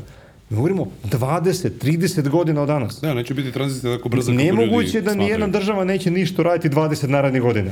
Da, da ne popravi svoju situaciju, a zna o koju stranu se ide. Pa pogledaj vetropark uh, blizu Vršca. Uh, znači tamo cijel taj kraj. Koliko vetranjača. Pogledaj solarne parkove. Imaš tri ogromna solarna parka u Srbiji, još se gradi. Da, ima Mi ovako mali, siromašni već idemo na tu stranu. Znači, ulaže se u nešto što je budućnost. Ali ta budućnost nije sutra. Ne treba se plašimo. A, sad jedno nezahvalno pitanje, ovo je vezano za onu nalepnicu na vratima, koja sa početka podcasta. Ako bi morao da izabereš jedan automobil na struju, a, čisto na struju, koji bi to automobil bio? O, ja sam već izabrao, odnosno... Za dve godine? Ili... Sa, pa pre dve godine, da. Ovaj, a, I vozio sam, sad ga više ne vozim, o, otišao je na prodaju, to biste rekla, sad sam vozio nešto drugo u čekanju sledećeg električnog automobila koji ćemo da uzmemo. A, ja sam vozio Hyundai Ioniq 5, a, neobičan, a, kad ljudi vide auto, shvate da to nije standardni auto i onda privlači pažnju, to meni je bilo jako važno, da mogu da pričam priču o električnim automobilima, ljudi pitaju kakav je, šta je, kako ide. S druge strane, tehnološki te auto je jako dobar i, i baterije njegove i domet, znači ja sam puni auto jedno nedeljno. Imam svoje garažno mesto, imam mali punjač od 11 kW i mogu da ga punim noću i onda svako jutro imam puno bateriju, tako da nemam problem, ali jednom nedeljno se on uključujem punjač i vozi se uglavnom po gradu, odnosno on je a, za prvu godinu prešao 20.000 km, kad malo se intenzivnije vozio i to je zaista divni 20.000 km, mi smo se u kući borili ko će da vozi taj auto, jer je udobnije, tiše, rasterećen si, uh, okreneš oko prekidač i voziš i posvećen si onome što je tvoj život, a ne borbi sa automobilom. A, I dovoljno veliki i tako dalje. Sad da ne hvalim auto ovaj, dalje, znači zaista jedan dobar auto, ali danas a, posle njega imam mnogo automobila koji dolaze na tržište koji a, su isto tako interesantni tehnološki jer ljudi se zakače za dizajn. Zakače se koliki mu je domet A ja kad posmatram tu temu, ja posmatram malo drugačije. Posmatram na koje tehnologiji su baterije pravljene. A, koliko brzo može se dopuniti, sa koliko jakog punjača mogu da izvučem tu strujku. Ako negde idem, koliko ću da prvo da provedem na punjaču. A, onda me a, zanima taj automobil, njegov software, da li kontroliše grejanje baterije zimi, da li imam proces sa, samo zagrevanje baterije, što bi se reklo. Znači, a, adaptacije temperature baterije pre nego što uključimo punjač da bi se onda brže punila. A, onda po, posmatram recimo to sa Hyundai Ioniq 6 ima. Ja sam imao dva elektromotora pogodna sva četiri točka. Sada Ioniq 6 je mogućno da isključim elektromotor. Znači ja pritisnem dugme i isključim jedan, ako se vozim po gradu kad mi ne treba 4 puta 4 da trošim manje struje. Znači ja gledam te tehničke detalje koje onda čine život sa tim automobilom. Mnogo mi je bio zanimljiv šestica i petica je, je bila, moji ukućeni su bili, e, ovo može ovo da se kupi. A ovo ja šesticu ga sam vozio, zašto je bila verzija samo sa, sa motorom pozadi, na, na polukružnom okretanju, on da, malo, na, na, malo onako zanesete kao, u, kao što je ovo, malo čudno izgleda, ja Ionik sam ga prozvao, da, da, dobro, ali, jeste, ovaj, jeste. ali zaista, zaista sjajna tehnologija. Ovaj, e sad, ovaj, iako je ovo možda o, najduža epizoda koju, koju imamo. Nadam se da ti nije neprijatno jer mislim da je... Ovaj... Drago mi je da mogu da ispričam neke stvari koje nisam nigde ispričao. Dakle, ovo su ne, neki detalji koji, ovaj, eto, prvi put su sad... Ti, hvala ti na tome. Ja, ja predlažem još malo da nastavimo. A, sad, ja pominjem često vodonik i da će to biti takođe u našoj budućnosti, opcija budućnosti. Ti si vozio takve automobile. Ja sam Kako, veliki fan. Kakve su to tvoje iskustva i, i šta, će tu, šta će tu da bude prepreka u našoj zemlji? Priču sa vodonikom ja pratim aktivno od 2013. godine, dakle sad već punih 10 godina. A, u Japanu sam imao priliku da vozim u Toyotim razvodnom centru a, tadašnjim prvi Mirai, kad se još nije znalo ni kako se zove, to je bio prototip automobila na vodonik. Tada su nam pokazivali prototip a, stanice a, kojom Linde gas nemački u Japanu direktno iz prirodnog gasa, iz voda prirodnog gasa a, proizvodi vodonik na licu mesta, imaju pumpu gde toče vodonik automobile u Toyota City, dakle a, u njihovom gradu gde oni eksperimentišu sa raznim stvarima i tada mi se to učinilo kao potpuno spektakularna ideja. Mi smo tada pričali o tome da svaka zemlja koja ima vodu ili koja ima prirodni gas može da postane bogata kao bilo koja arapska zemlja koja ima naftu i da postane nezavisna od uvoza bilo čega. Godinama kasnije bio sam na mnogo mesta, vozio sam i taj automobil, vozio sam voz na vodonik u Alstomu, u Nemačkoj, ima njihova pro, probna test pruga u fabrici, pa sam dali da vozim voz na vodonik. Vozonik. A, da, vozonik, da. A, i, i, I tad smo recimo slušali divne priče da hemijska industrija, koja u Nemačkoj izuzetno jaka, čak i kod nas imaš fabrike koje sagorevaju vodonik u atmosferu, imaju viška, Zapravo oni su uzeli i taj vodonik sprovode kroz cevi pune autobuse za gradski saobraćaj u Kelnu. Ali ni tamo nije bilo to toliko popularno, napaju dva autobusa, umjesto napaju 100 autobusa, koliko ima vodonika. A, onda smo bili recimo u Londonu u jednoj zgradi koja se potpuno, u centru Londona koja se napaja potpuno na vodonik, dakle vodonik se donosi u kamionima, odnosno u tankovima, gorevne ćelije su dole u podrumu i cela zgrada radi na vodonik. Što je genijalna ideja. A, bili smo recimo u jednoj fabrici u Nemačkoj pa, koja prave plastične cevi koja se isključila sa gradske mreže, imaju gorevne ćelije, znači koriste vodonik, proizvode struju, proizvode toplotu, dakle imaju termalnu energiju i ne koriste više struju gradsku uopšte, fabrika cela. A, dakle, bio sam na mnogo mesta, bio sam u Mainzu u vetroparku gde kažu, slušajte, mi kad proizvodimo struju od vetra, a, imamo viška struje ponekad, no ne može da ide u mrežu, to što bi destabilizovala mrežu. I šta onda radimo? Onda taj višak struje ide u jednu malu stanicu gdje se radi elektroliza vode, izbušuje su bunar, radi elektrolizu vode i onda taj višak struje koriste proizvode vodonik koji se automatski tankuje u, u jednu pri, polu prikolicu kamionsku, da kamion dođe jednom nedeljno odveze, stavi novu praznu i imaju besplatnu energiju. I to su sve vrlo inspirativne stvari. Inspirativne toliko što ti možeš struju da pretpržiš u vodonik i da je skladištiš, da preneseš tamo gde ti treba, da Zato trošiš da tamo nije gde želiš. bateriji, da nije A, sipanje vodonika u auto jeste komplikacija, imaš 350, čak 700 bara pritisak, zavisi od pumpe. Ona, ona, ona, ona čep što staviš na automobil, on je hladan, njemu se led hvata. Ali traje par minuta, ne traje pola sata, koliko puniš električni auto. I to je jako inspirativno. Međutim, vodonik je užasno neefikasan. Od 100% energije električne, ti zapravo kroz vodonik dobiješ nazad u automobilu ne više od 30%. I onda ti 100% električne energije imaš, bolje da staviš 100% u auto, nego da staviš 100% da proizvedeš vodonik, pa 30% samo dobiješ u automobilu. Znači, neefikasno do bola. A, druge strane, stanica za vodonik. Sama stanica, znači govorim, benzinska pumpa za vodonik. Jedno točio mesto sa tankovima košta oko 5 miliona evra. I Nemačka je subvencionisala dugo sa 50% besportnih sredstava, one koji žele da stave na, na, na, svoje, na svoje benzinske stanice točio mesto za vodonik, ali im nije uspelo. Imali su plan do prošle godine da bude 200 pumpi i još uvijek ih nema 200. Jer 5 miliona evra košta samo jedno točeno mesto. Jedan punjač, najskuplji punjač, košta 350.000 evra. I sad, meni je kao korisniku jeftinije voze na vodonik, lepše mi je, ali ono ko treba da obezbedi energiju, njemu je skuplje. I onda dođemo u situaciju koja je kontra od one sa strujem, je li tako? Ja. I pokazalo se zapravo iz svega da će vodonik, prema onome kako sada to stručnjaci gledaju i kako sada se priča o tome, biti validno rešenje za dugolinijski transport, za kamione, za brodove, za sve one koji ne mogu da vuku toliko mnogo baterije. Jer ti kad imaš 100 kamiona na autoputu, gde je 100 punjača za njih? Zamisli one kol, kamione koji štrkaju koloni na bugarskoj granici ili na hrvatskoj granici kad idu iz Srbije, gde oni se napune svi?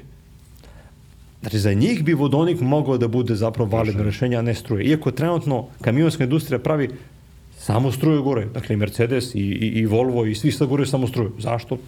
valjda oni znaju. Dakle, to je jedna stvar. A s druge strane, vodonik a, bi mogao da bude dobro rešenje, kao što rekao, za skladištenje električne energije. Imaš puno projekata koji treba da proizvode čistu električnu energiju, dakle solarne ćelije u Africi a, ili vetroparkovi negde drugo, ili po severnom moru imaš vetroparkove, vetrenču sred mora, dakle putovali videli i to, i sad ti tu struju ne možeš da odneseš tamo gde ti treba, ne možeš da odneseš u Norvešku. Pomoću vodonika možeš. I vodonik bi mogao da bude rešenje za zemlje koje imaju jako hemijsku industriju, imaju besplatno, to je takozvani brown, crni vodonik, je tako, prljavi vodonik, ali njega ti ili sagoriš atmosferu, baciš ga, jer ga toči u nešto i vozi. Recimo, izračunali su pre par godina, to sam vidio podatak, da samo u okolini Kelna hemijska industrija proizvede viška vodonika da može se napoja godinu dana flot od 27.000 automobila i da svaki pređe 20.000 km godišnje. To se baci. Ja to vodonik je interesantna stvar, ali nije se zakačio kao masnu stvar, jer opet stvari se guriju ka automobilima, ka putničkom transportu, tu je električna energija još uvek u prednosti. Idem ja sad posle ovog podcasta sa jednom kanticom za vodonik, pravo sam. Nakvata malo. Ok, e, naši vozači su, naravno, pričali smo i pomenuli smo ovaj, a, a, okrenuti pre svega dizelašima, to pokazuju naše a, e, analize i mi smo ovde imali i, i u jednoj epizodi a, priču o tome šta bi bilo kad bi recimo država subvencionisala metan. Zašto smo na izgled e... mi ne, odustali od, od metana? Zašto ima tako malo Zašto voliš da pričaš bajke? Nije mi jasno. Pa zašto ljudi vole slušati? A, mi smo se borili godinama, dakle, pik toga je bio negde tamo 2020. godine kad smo radili jedan specijalan test da država subvencioniše a, ugradnju TNG-a. Mi smo tada radili test koji smo dokazali da vozilo koje troši TNG kao gorivo manje zagađuje životnu sredinu nego benzinac koji je praktično isti te automobil, ali kad vozi samo na benzin. I subvencionisanje, mi smo predlagali državi da bude na nivou da se ljudima plate atesti. Ne mora da im se daju pare da ugrade, ali dajte im da ti atesti, ti pregledne petogodišnje budu besplatni. To, su, to je smirija para. Smirija kad govorimo o ukupnom celom trošku.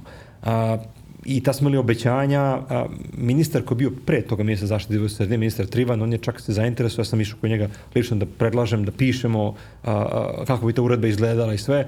On, nažalost, ovaj, više nije bio ministar u tom trenutku, posle mi pokušavali tim testovima da dokažemo da je to to i načelna dobra volja postala, ali evo sad evo četvrta godina kako počinje od tog, te naše akcije i to se više nigde ne pomenje. A, S druge strane, objašnjenje zašto se ne pomenje nije bez ideje. Kaže ovako, mi ćemo da pomognemo uh, onom delu, malom delu vozača da nešto malo uradi, ali to nije suštinski korak. Potrošit ćemo pare nešto što je kap u moru. Bolje da damo subvencije sa ljudi zanove, da imaju bolje automobile, novi vozni park i zapravo ovo što sad sa Euro 6 smo slušali te najave, to je neki nastavak te iste priče. Nažalost, to se još nije desilo. Ako bi se desilo, onda bi ja rekao da, ok, slažem se. Bolje te nas damo ljudima da kupe novi automobile, nego da one stare održimo još u životu. Ali opet, pitanje koliko čega ima. Nekada, a, a, govorimo pre 10 godina, a, po broju atesta, znalo se da ima otprilike 300.000 ljudi u Srbiji koji voze na TNG, 300.000 automobila. To je 15% ukupnog voznog parka. Danas ih je mnogo manje. Dakle, uticaj je mali. Metan, metan je toliko malo zastupljen da je to na nivou statističke greške. I onda subvencija tako nečeg nisam siguran da iz ugla zakonodavci, onoga ko daje pare, ima pun smisla. Dakle, njihovo opravdanje nije bez ideje. Opet, kome treba pomoći? Pa onome kome najmanje para. Treba pomoći onome ko nema novca.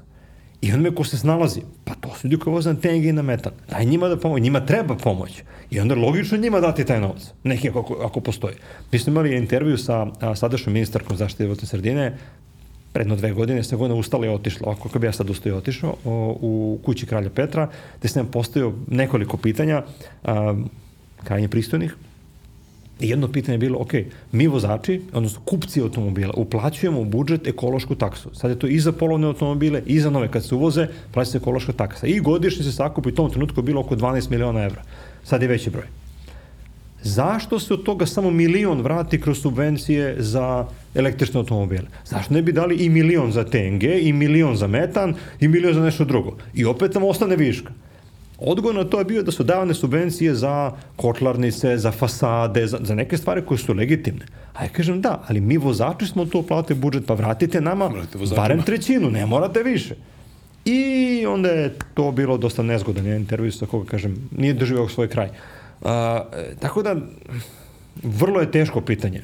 Treba, postoji mogućnost, opravdano je, ali kad pogledamo na koliko to ljudi utiče na jako mali broj. Bolje je Euro 6 ova ideja, ali da se tu poveća, da, da se tu da još više para. Ok, vidjet ćemo kako će to da se ovaj, odigra, jel? A, ja ću sad da ti postavim još jedno pitanje, da kažem, pred kraj, ovaj, sorry, pred zadnje pitanje... Već kraj. tek, tek, blizu smo na dva sata razgovora.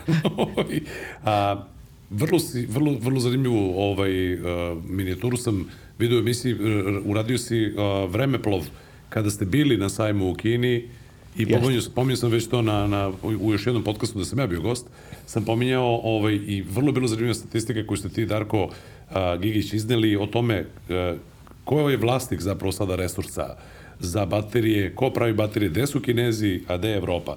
Dakle, kako vidiš taj upliv kineskih električnih automobila i situacije na globalnom tržištu, pa da pomenemo možda je prilike da ponoviš tu neku statistiku ovde, ako za slučaj da naši slušalci i gledalci, a ima sasvim sigurno velikog preklapanja, da to možda nisu čuli ili, ili videli u emisiji.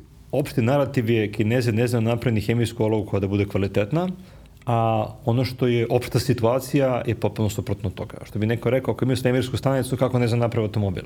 A, ja sam u Kini bio mnogo puta, po sajmovima, po raznim testovima i ono što je očigledno jeste da su njihovi domaći proizvođači godinama pravili na onom nivou cene i kvaliteta koji je bio potreban da se podmire potrebe domaćeg tržišta. Jer su Kinezi bili toliko nemotorizovana nacija da šta god da si im ponudio samo da je jeftino, to je prolazilo. I na tome su određeni lepo zarađivali. I kada su stigli sad do nivoa da je to već podmireno u dobroj meri. Kina inače po broju automobila koji se prodaju tamo najveće tržište na svetu. Onda su počeli da prave malo bolje, malo kvalitetnije. Čak i evropski proizvođači koji su imali svoje fabrike u Kini pre 10 godina ili pre 20 godina su pravili ono što moraju, samo da bude jeftino, samo da ima četiri točka i da se prodaje tamo, jer je glad za automobilima bila toliko velika. Danas se i to promenilo. I sad smo u situaciji da su zapravo uloge okrenule. Ja sam pre to je bilo zapravo 2005. godine.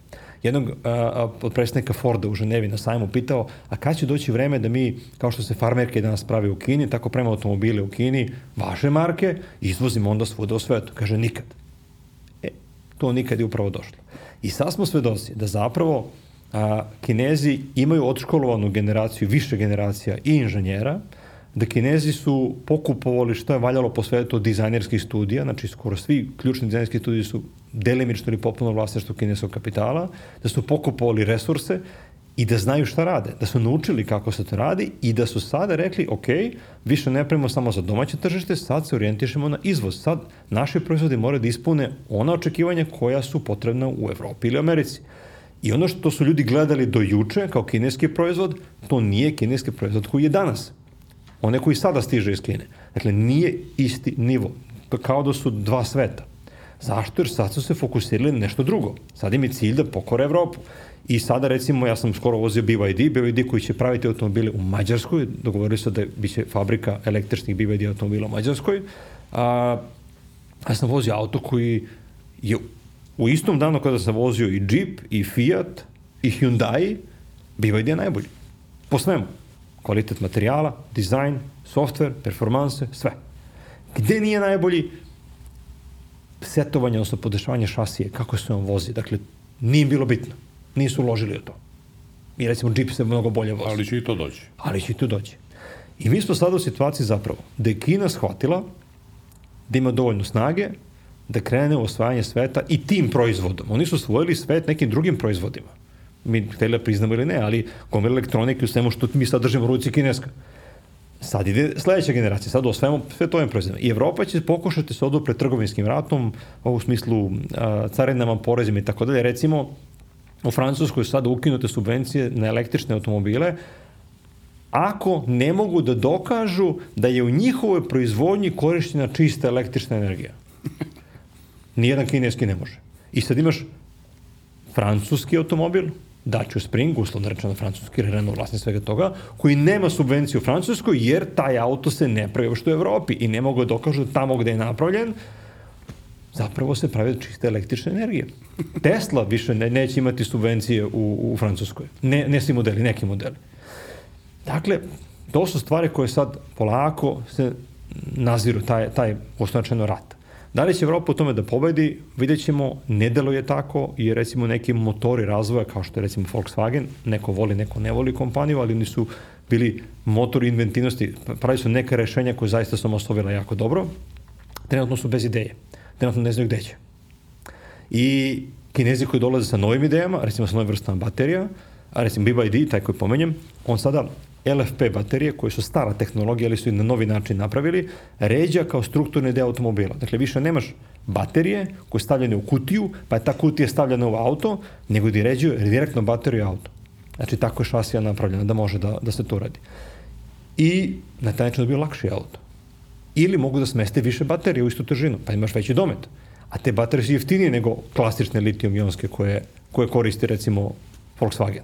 I onda imaju bolju cenu. I sa sve to zajedno su neke ideje koje ovi donose, a Evropa se toga još nije setila. A, vidjet ćemo ključni trenutak koji, koji jako čekamo da vidimo, to je 2025, znači sad već sledeća godina, kada iz BMW-a, Mercedesa, pa još nekih proizvođača izlaze nove generacije tehnologije koje su oni razvijali dugo, u saradnji sa kineskim kompanijama, što je najbolja situacija, ali kako će Evropa odgovoriti na sve to. Tako da ovaj, čeka nas jedno vrlo zanimljivo razdoblje, što bi Luka Demeo, dakle prvi čovjek Renault, rekao, kaže, mi živimo u stanju najveće haosa autoindustriji koji smo ikada videli. Niko ne zna šta će biti sutra, niko ne može da prognozira, ali to je baš interesantno. Tako da... e, imam jedno potpitanja i lično sam zainteresovan. Šta misliš, koliko će vremena proći da se na domaćem tržištu zapravo uh, poklanja um, kineskim brendovima malo više Uh, kako bih rekao, poverenja. Ja sam primetio po, po, po snimcima... A tu dođemo do onoga mi... Balkana, svoli dizel i, i nema. Da, da, da, ali evo ja recimo ovaj, na, izdvojit ću brend. Cherry Tiggo 8 Pro meni potpuno odgovara, vrlo razmišljam o tom automobilu. Ja imam datum da ti kažem kada će to da se promeni. Možda ne baš tačan datum, ali imam godinu. Kada budemo videli taj Cherry Tiggo 8 Pro star 5 godina. O tome, onda o tome ćemo, se radi. Onda ćemo znati Je da li to su vredelo sazreli. ili nije? Ja zaista, sve što sam vozio kinesko, govorimo o novim generacijama, govorimo o automobili koji su lansirani poslednjih godinu dana, je vrhunski. Po materijalima, po dizajnu, po svemu, znači vrhunski.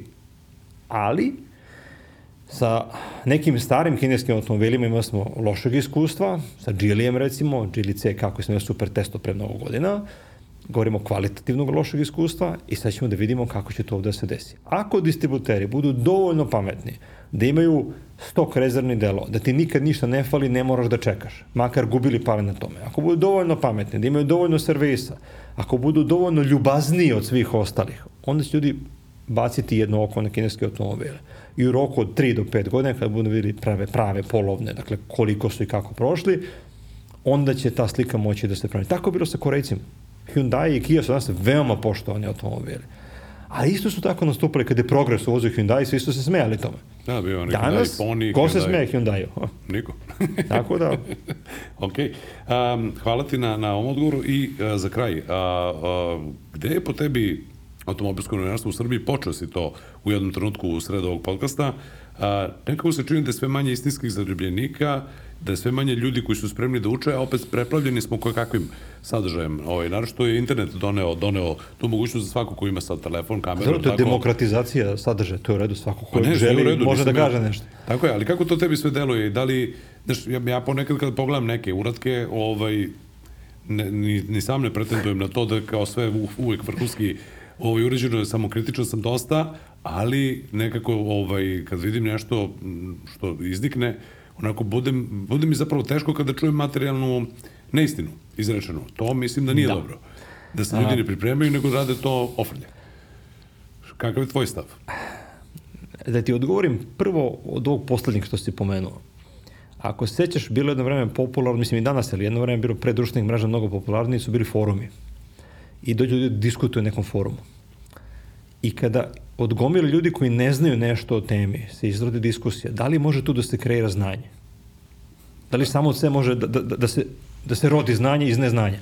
I mi zapravo tu imamo ko situaciju sa, sa YouTube-om i sa mrežama generalno. Neko je nešto stavio, onaj ko gleda to o tome zna toliko koliko je mogo takođe da vidi negde na internetu. I onda se tu kreira krug ljudi koji kažu to je tako. Iako je materijalna neistina. Ali to je posledica, kao što rekao, demokratizacije komunikacije, što će reći jesi dobar, jesi pametan, jesi lep ili umeš, Uzmi kameru, snimi, objavi, pokaži se bolje od drugih i taj rezultat će se videti. To je sasvim u redu. Ne mora da negde tražiš vezu, pomoć, da negde teko te probije na televiziju. Ne. Pokaži da vrediš. I to je nešto što je zaista jako lepo. A ono što ljudi moraju da shvate, ja to gledam iz mog ugla, možda grešim, dakle, stavim stavno ogradu, zato što sam ja sad već uh, staromodan, jer sam počeo da radim ovo pre 30 godina, pa ne mogu da, da se možda poistovetim s, ne, s nekim ko danas to počinje, ali šta je novinarstvo? Ko je novinar? Novinar nije onaj ko uzme kameru i snimi predstavljanje nekog automobila na YouTube-u, to nije novinar. On može da bude prezenter, može da ga zove kao god hoćeš, ali to nije novinarstvo. To je kvalitetan možda sadržaj koji je gledan, koji ljudi vole da vide. Koji, to je sve cool. Znači, ja gledam. Ali to nije novinarstvo. Novinar je ozbiljna profesija za koju se ljudi školuju. Zvanično ili nezvanično. U školskom sistemu ili izvan njega. Ali se školuju. Novinar je u stanju da pronađe priču, da je osvetli, da je pojednostavi ljudima, da otkrije nešto, da analizira, da analizira ne tako što on tvrdi da je nešto, nego što ima relevantne sagovornike koji će pomoći da se dođe iz gomile znanja, da se rodi veće znanje, a ne iz gomile neznanja. Sa... Da uporodi stavove, pa dođe I do, do novinar je zapravo neko ko traga za pričom i ko te priče uspeva da ljudima koji posmatraju to predstavi i kaže evo pogledajte nešto interesantno što sam našao. Novinar radi u javnom interesu. Novinar ne može da radi tako što ima sponzorisan prilog. Ne može kaže evo danas nam donosimo ovo zahvaljujući ovome. Ne sme. To nije novinarstvo. Znači, ako je tema vezana za to što on rekao. A, I zato mi sad treba da razlikujemo ljudi koji su novinari, koji se bave istraživanjem, koji se bave ispitivanjem. Ja kad kažem za neki auto da nešto može ili ne može, imam autoritet iza toga, jer ja taj auto znam da vozim. Vrhunski. I ja taj auto vozim preko njegovog limita. Vrhunski imam opremu koju mogu da, da, da ispitam nešto, da kažem, ok, ovo jeste ili nije tako, mogu da dokažem da to jeste ili nije tako. I govorimo o automobilskom novinarstvu, to je jedan, jedan krak priče. Drugi krak priče o automobilskom novinarstvu, da analiziramo priče. Ne, neću da kažem, električni automobilima to je bez veze, ili električni automobili to je najbolje. Ajde analiziramo, ajde da vidimo, ajde da pričamo sa, da sa govornicima, ajde da pronađemo informaciju. To je novinarstvo. A samo da snimim nešto što je s kamerica YouTube, to nije novinarstvo to jeste zanimljivo. Kažem, ja koristim, kao i svi ostali, gledam, imam neke ljudi koji zaista volim da vidim, ali oni nisu novinari. Oni mogu biti kvalitetni prezenteri, oni mogu biti influenceri, kako što mogu šta god.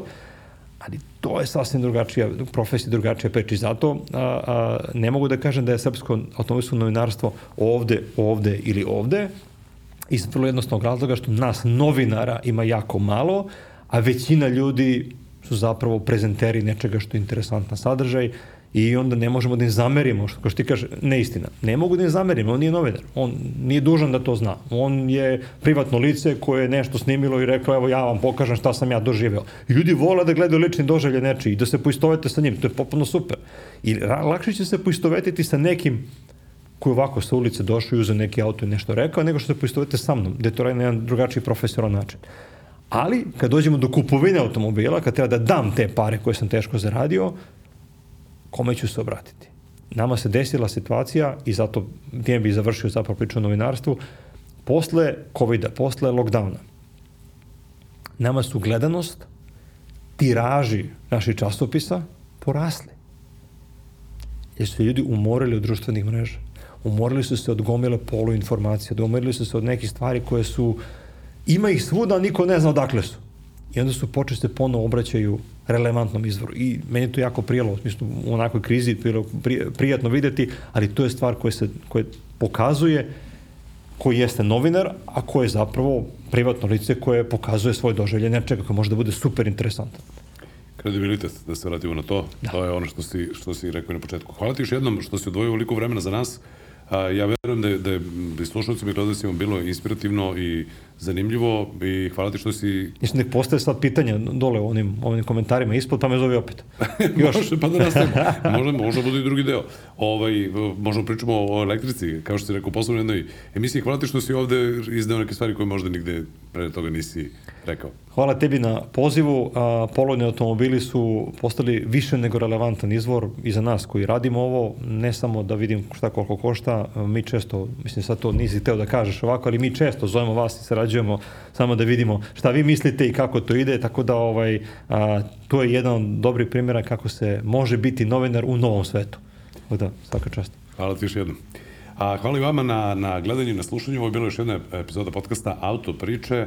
A, ako možete da izvučete neku pouku iz, iz ove epizode, to je da treba da se dokazujete svaki dan ako želite u nečemu da budete a, dobri i najbolji i da je svaki dan ovaj prilika za probu, a da ponekad i ne postoje druge šanse, pa zato pokušajte da izvučete ono najbolje sebe. A, kad smo išli najboljih stvari, ja samo da pomenem još jednom, a, mi ovaj podcast realizujemo uz pomoć G-Drive, G-Drive-a, a G-Drive je dizel gorivo koje doprinosi optimalnom radu motora, omogućuje efikasnije sagorevanje goriva, pouzdan zimski start, ali obezbeđuje veću snagu i stabilni rad motora i kao što znate G-Drive je e, dizel gorivo nove generacije obogaćeno kompleksom aditiva čime se garantuje najviši kvalitet goriva. Hvala još jednom na slušanju, gledanju, vidimo se na novom isto mestu i čujemo se na novom isto mestu. Ne zaboravite like, share i subscribe.